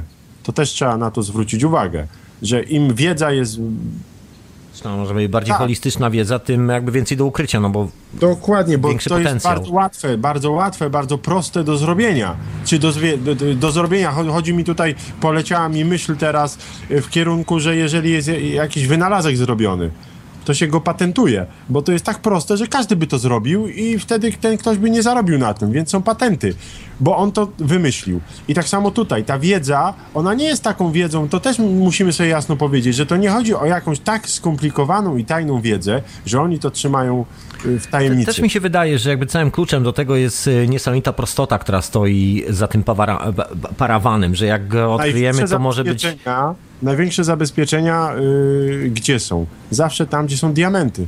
Bo diament bardzo łatwo wynieść, bo to jest małe, tak? Do ręki się mieści. To są największe zabezpieczenia, które są w tych, te diamenty, które są naprawdę wartościowe, tak? Chodzi mi tutaj mhm. o y, y, te diamenty znajdujące się w różnych y, insygniach koronacyjnych, czy diamenty, które Wiesz, są... mi się wydaje, że bardzo, że, że, jakby tym potężnym potencjałem wiedzy, która trzyma ta korporacja watykańska jest przede wszystkim e, kwestia Biblioteki Watykańskiej, oryginalnych manuskryptów jeszcze z czasów Platona gdzie są być może zapisane pewne informacje, które mogą zmienić e, naszą percepcję na temat e, tego, kim jesteśmy jako ludzkość, skąd pochodzimy, skąd przyszliśmy, takie, wiesz, bardzo poważne egzystencjalne sprawy. Teraz e, jest monopol na te egzystencjalne pytania. Pojawiają się egzystencjalne odpowiedzi, które mówią, że jest jeden Bóg. No i nagle jakby się może okazało, że jest e, na to dokument, chociaż coraz więcej dokumentów tych papierusów wypływa z różnych innych w ogóle zewnętrznych źródeł, one są po prostu znajdowane gdzieś na pustyni się okazuje, że troszeczkę to wszystko z tym Watykanem to taka mocna lipa. No ale ja podejrzewam, że skarby nie leżą chyba w złocie. Skarby mogą leżeć, przynajmniej taka jest e, moja refleksja. Być może w posiadaniu pewnej technologii, która, e, wiesz, czyni ludzi szczęśliwych, e, która powoduje, nie wiem, zaoranie systemu bankowego, że właściwie trzymanie łapy na tej technologii pozwala temu systemowi trwać, że to w ten sposób wygląda, że to nie jest kwestia pilnowania czegoś, tylko kwestia doglądania, żeby rzeczywistość, w której wszyscy uczestniczymy, się tak szybko nie skończyła.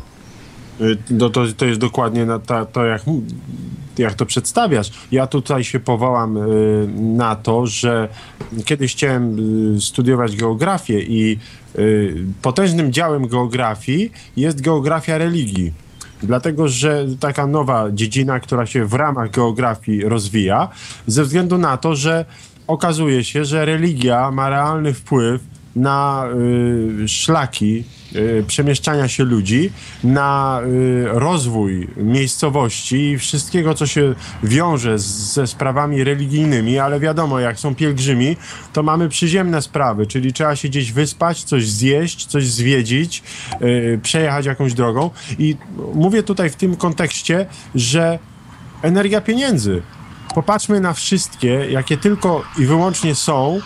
Yy, sanktuaria jakieś, tak? Lala, ale wiesz co, tak przerwałem, ale po prostu Big City Lights e, tak jest.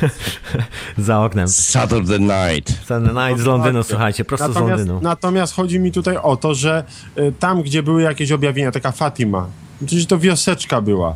Jak teraz tam pojedziemy, to jest cały region, cały system pielgrzymkowy, mnóstwo ludzi tam jeździ. Ja tutaj nie, nie chcę rozważać, czy to były prawdziwe objawienia, czy nieprawdziwe. Nie o to tutaj chodzi. Chodzi tutaj o to, że idzie po prostu cała masa kasy.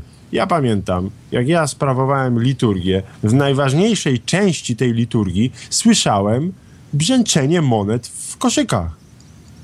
No bo ludzie, no najważniejsza, najważniejsza część. Ja tylko chciałem przypomnieć, że tutaj my wprowadziliśmy taki, taki nowy rodzaj e, pewnej zabawy i to się nazywa etaca. Etaca, słuchajcie, mam tu gości, mam tu gości z, z najmniejszej telewizji na świecie, dokładnie. Dzisiaj wyjątkowo.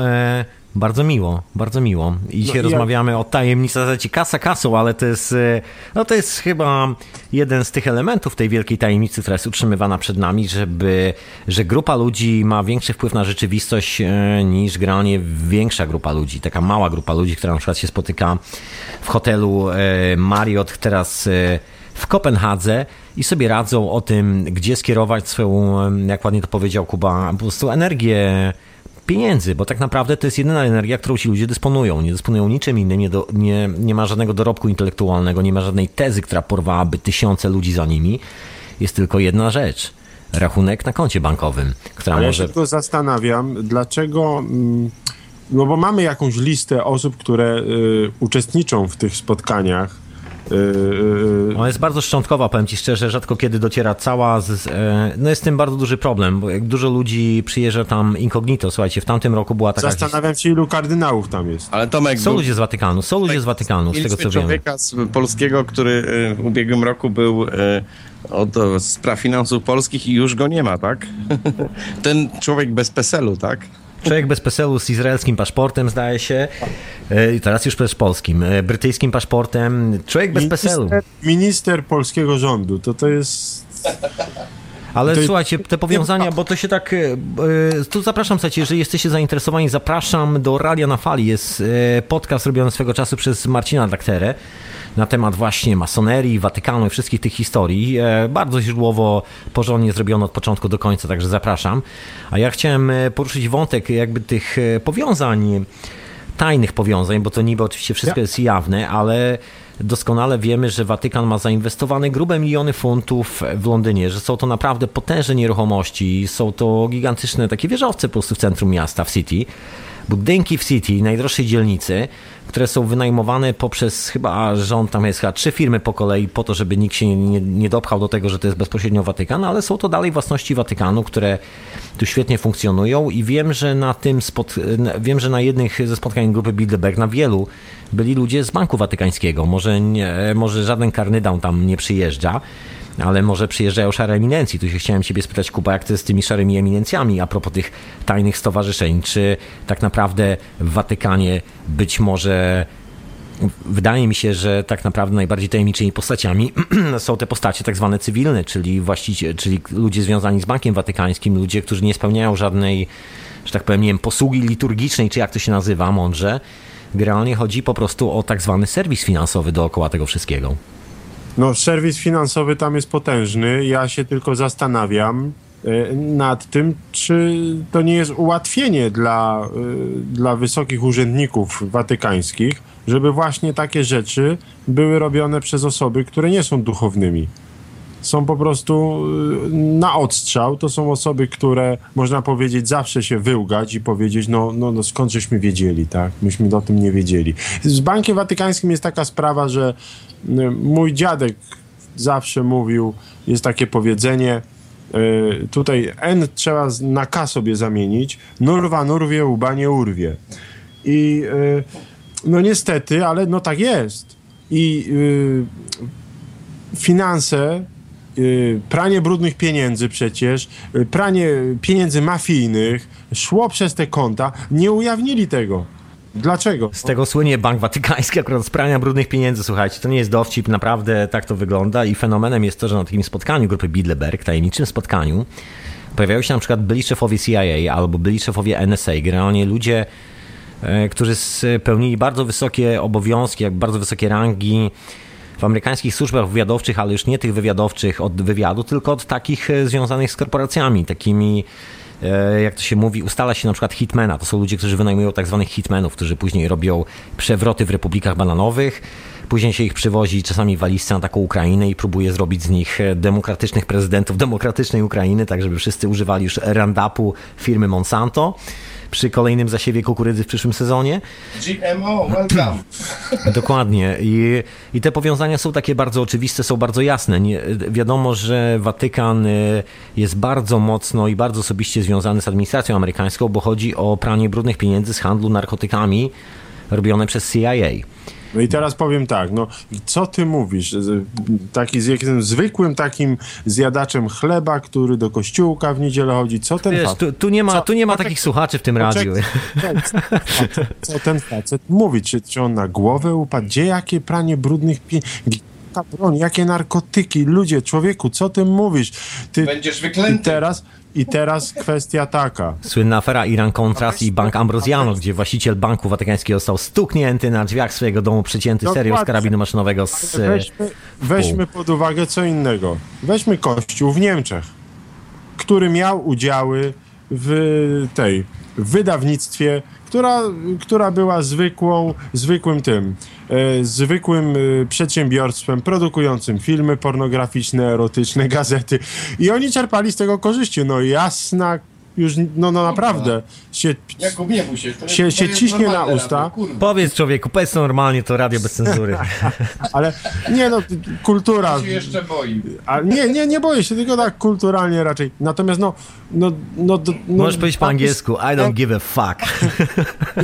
się to w głowie nie mieści. I to są informacje nie tak, że ktoś to rzucił, to są informacje potwierdzone, sprawdzone. Oczywiście sprawa szybciutko uciszona, no bo jak Kościół katolicki, no Co, jak, jak ci się wydaje, jakie są, e, tak się spytam od takiego, wiesz, bo byłeś na samym dole tej hierarchii, widziałeś jak to wygląda od początku.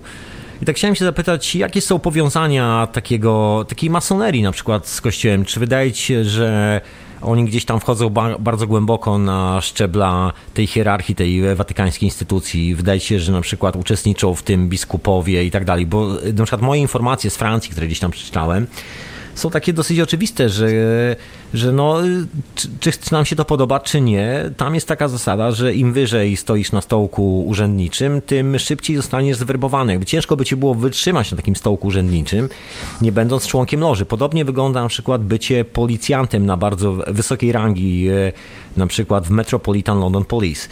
Dowiedziałem się, dowiedziałem się człowieka, któremu naprawdę wierzę, człowiek urodził się i wychował w Londynie i nie tylko, że po prostu nie ma możliwości awansu, jeżeli nie przyjmiesz, jeże- jeżeli nie przyjmiecie po prostu członkostwa w owym e, klubie dżentelmenów zwanym e, lożą masońską tutaj na miejscu. Jest to taki standard po prostu. Zresztą nie przez przypadek e, ta obręcz, to ma w ogóle swoją specjalną nazwę, jakąś tam e, mundurową, na czapce policjanta jest w szachownicy. To jest symbol masonerii. I de facto, jeżeli się przyjrzycie bardzo uważnie na symbole brytyjskiej policji, tam jest bardzo jasno zaznaczone, do kogo tak naprawdę i komu ta policja służy, a szczególnie Metropolitan Police.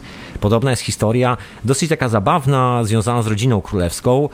E, Było bardzo popularne zdjęcie swego czasu, chyba jakieś parę miesięcy temu, kiedy królowa wyszła ze szpitala w e, asyście pielęgniarki swojej, w asyście jakichś tam ludzi, po prostu takie ujęcie zrobione przez jednego z paparazzo.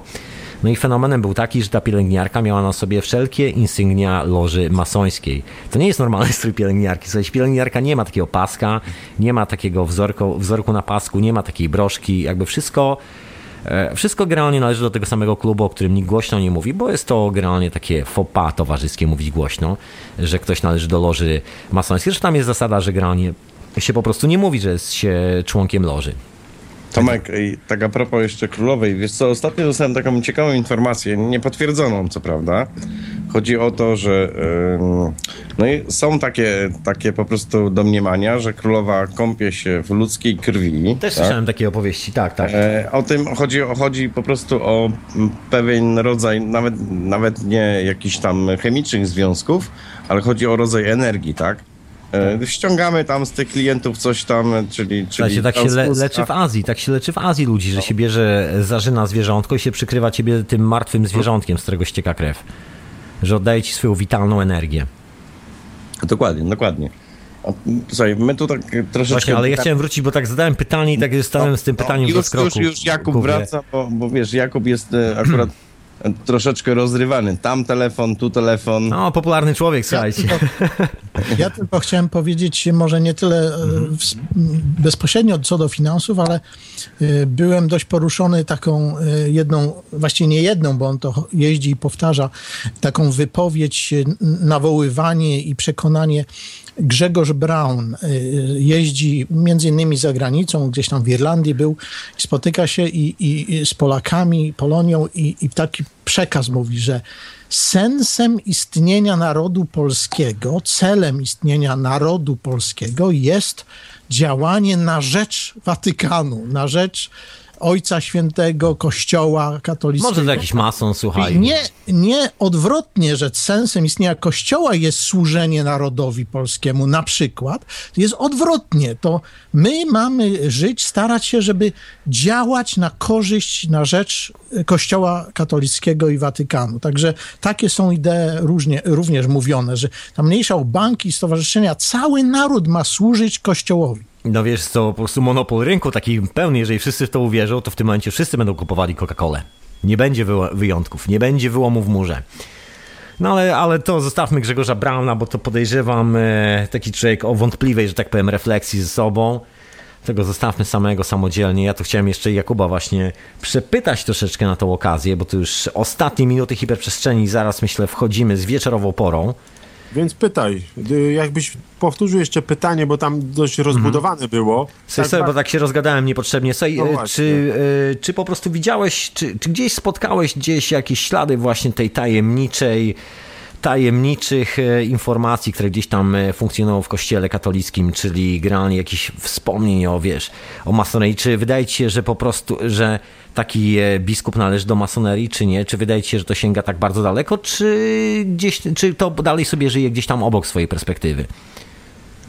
O tym głośno nie wolno mówić. Na Okej. pewno księża między sobą nie mówią oficjalnie gdzieś. To na pewno nie mówią. Y, ale gdzieś tam pokątnie to oczywiście y, informacja gdzieś wypływa i to jestem za, zawsze ci- zaciekawiony, skąd ta informacja wypływała. Tym bardziej, że na przykład weźmy y, z naszego podwórka polskiego, ja, bo ja nie mówię tutaj o zagranicznym episkopacie, bo y, nie znamy kardynałów, czyli ja, ja znam akurat, ale większość ludzi nie zna Ja kardynałów. nie znam, absolutnie. Prawda? Zostajemy przy lokalnym podwórku. lokalne podwórko arcybiskup Życiński czy arcybiskup y, z, z, z Lublina najpierw. Weźmy arcybiskupa z Lublina, który niestety już nie żyje y, i, y, i ten i było posądzenie przez y, Radio Maryja przecież. Oficjalnie już wtedy powiedziało, że to jest sługa masonerii i, i to jest szatan w czerwonej. Y, Jak to ojciec dyrektor powiedział, że to jest czasem, Ojciec. czasem i diabeł, nie, czasem i szatan przywdzieje te kolor biskupi czy szaty biskupi. Aha, tak, tak, tak, jest takie powiedzonko. Było, było, było coś takiego tam No y, ciekawe, ciekawe. tą stronę rzucone. Y, I tak jak mówię, jeżeli się pojawia jakaś informacja, ona skądś musi czerpać y, swoją energię, gdzieś coś musi być na rzeczy. No też tak myślę sobie, bo też jestem e, zwolennikiem, można tak powiedzieć. To jest taka moja własna refleksja, że układy są tam bardzo wysoko i że właściwie jest to wszystko bardzo mocno związane ze sobą na samym początku, bo jeżeli obserwujemy spotkania e, takie jak e, przy okazji grupy Bilderberg, gdzie są właśnie ludzie przy, chociażby z Banku Watykańskiego i ludzie CIA jednocześnie to dokładnie tego samego dnia oni się wszyscy znają, no to coś musi w tym być. To wiadomo, że nie znają się od dzisiaj, nie znają się od wczoraj, tylko to już troszeczkę trwa i że chyba tam załatwiają ze sobą jakieś interesy. Rzecz polega też na tym, że mm, oczywiście niektórych rzeczy, załóżmy, papież może nie wiedzieć. To, to, to nie jest jednorodne. Y, Weźmy pod uwagę takie, ja zawsze odwołuję się do naturalnych, y, y, do naturalnych relacji ludzkich. Weźmy pod uwagę, przypomnijmy sobie w szkole podstawowej, jak byliśmy w klasach, w szkole średniej. Y, 30 uczniów, 28 uczniów czy 25, oni byli podzieleni na kilka grup. I na przykład były spotkania, gdzie spotykały się na imprezach 3-4 osoby. Wiadomo, że do tych się nie chodziło, bo to nie z naszej paczki. Z tamtymi się w piłkę nie grało, na przerwach się z nimi nie rozmawiało, w ogóle zero zainteresowania, albo wręcz walki tych grup wewnątrz klasy. I tak samo się dzieje, jeżeli chodzi o, o hierarchię kościelną. Są to- też, są też osoby, które nie są na świeczniku w sensie święceń y, biskupich czy godności kardynalskiej, ale są to osoby wpływowe, są to osoby, które mm, jakby mają za zadanie y, być przy osobach, które, przy kardynałach i biskupach. Są to osoby na przykład zakonnicy, y, którzy pracują właśnie w różnych dykasteriach i biurach kurialnych, y, jeżeli chodzi o centrum dowodzenia, czyli w kurii watykańskiej. Zobaczmy, y, mamy rok, mamy marzec 2013 rok, wielkie, szumne zmiany są zapowiedziane w Watykanie, nowy papież, nowa krew, będzie wszystko inaczej. I co? Czekamy. No, to chyba właśnie o to chodzi, dlatego zawsze będą ci mówili... Tych ośmiu, drugie spotkanie tych ośmiu, zaraz będzie trzecie, czy tam czwarte. Przecież to chyba myślę, że doskonale wiemy, nie jesteśmy już rok, prawie tak naiwni, żeby wierzyć, że tam ktokolwiek chce jakiejkolwiek zmiany, to chyba chodzi tylko o przestawianie krzeseł na pokładzie Titanica i pudrowanie sobie twarzy, żeby dobrze wyglądać w blasku kamer. Tomek, e, takie zasadnicze pytanie, e, techniczne takie, e, o której Klod już tam wchodzi. Słuchajcie, to ja was, y, właśnie panowie, bo ja chciałem tutaj zakończyć powoli tą hiperprzestrzeń. Wiem, że, że czekasz na Kloda. Się- czeka- dokładnie. My też czekamy. E, I teraz tak. e, Słuchaj, to ja was rozłączam, to wy posłuchajcie, to wszystko ja, powiem. Ja jeszcze tego chciałem po, podsumować z mojej strony, z punktu widzenia, e, żeby uzasadnić, dlaczego ja to robię. Otóż to, co mówiliście o tych budowie, okresie budowy katedr e, w, w Europie i tak dalej, czy, czy temu zepsuciu, knuciu e, czarnych wszak na Watykanie. Ja zadam takie pytanie, czy to jest dowód na istnienie, tak zwaną żywą obecność Jezusa w Kościele? Dla mnie jest to dowód, że Jezus jest wymyśloną y, postacią książkową z bajki, a nie realnie istniejącym Bogiem, który czuwa nad tym wszystkim i tym zarządza. Dlatego mówię, że y, y, jeżeli nie przeciwstawimy się tej, temu mitowi Jezusa, który rzekomo tu zarządza tym wszystkim i, i, i, i, trzeba się do niego modlić o, o błogosławieństwo, to nic się nie da zmienić, bo lud będzie ogłupiany bajeczką o Jezusku, y, dzieciątku, a, a źli ludzie będą tym mitem się posługiwać i, i działać przeciwko naszym narodom. Ja myślę, że jest to taka indywidualna robota dla każdego z słuchaczy, dla każdego z nas, żeby się zastanowić nad tym, czy chcemy być częścią tej opowieści, czy też po prostu twierdzimy, że sami sobie poradzimy ze swoimi przyjaciółmi, ze swoimi sprawami w życiu, czy też potrzebujemy tego mistycznej postaci. Kto to wie? To jest takie, powiedziałbym, bardzo indywidualne pytanie. Także was tutaj zostałem. Dzięki Konradzie za refleksję. Dziękuję, dobranoc. E, To był Konrad 44, Antychristos. E, Dokładnie, a ze mną jeszcze był e, Kuba i e, Robert, e, którzy się pojawią na wieczorowej porze. A wysłuchaliście hiperprzestrzeni w temacie, no właśnie, w temacie, można powiedzieć, spiskowej teorii dziejów, a właściwie może nie tyle spiskowej teorii dziejów, ile takiego przyjrzeniu się troszeczkę na część tych połączeń i powiązań, które gdzieś tam e, dookoła nas funkcjonują, które być może w jakimś tam stopniu determinują nasze życie związane z rachunkami, finansami itd., itd. Na pewno nie dotknęliśmy tego do, do głębokiego, że tak powiem, tylko pewnie sam czubek góry lodowej to tyl- tylko też jednej, bo podejrzewam, że tych wszystkich informacji jest po prostu bardzo dużo. No ale zostawimy sobie następny raz. A co? Fajnie było, nie? Będzie następnym razem, wspomnimy o tym. A teraz dziękuję wszystkim serdecznie za słuchanie hiperprzestrzeni. E, Pozdrawiam e, słuchaczy Radia na Fali, radionafali.com oraz słuchaczy Radia Paranormalium, które retransmituje hiperprzestrzeń. E, Zapraszam do wspierania radia finansowo radionafali.com, zakładka wspieraj RNF. A ja mam na imię Tomek i to była hiperprzestrzeń.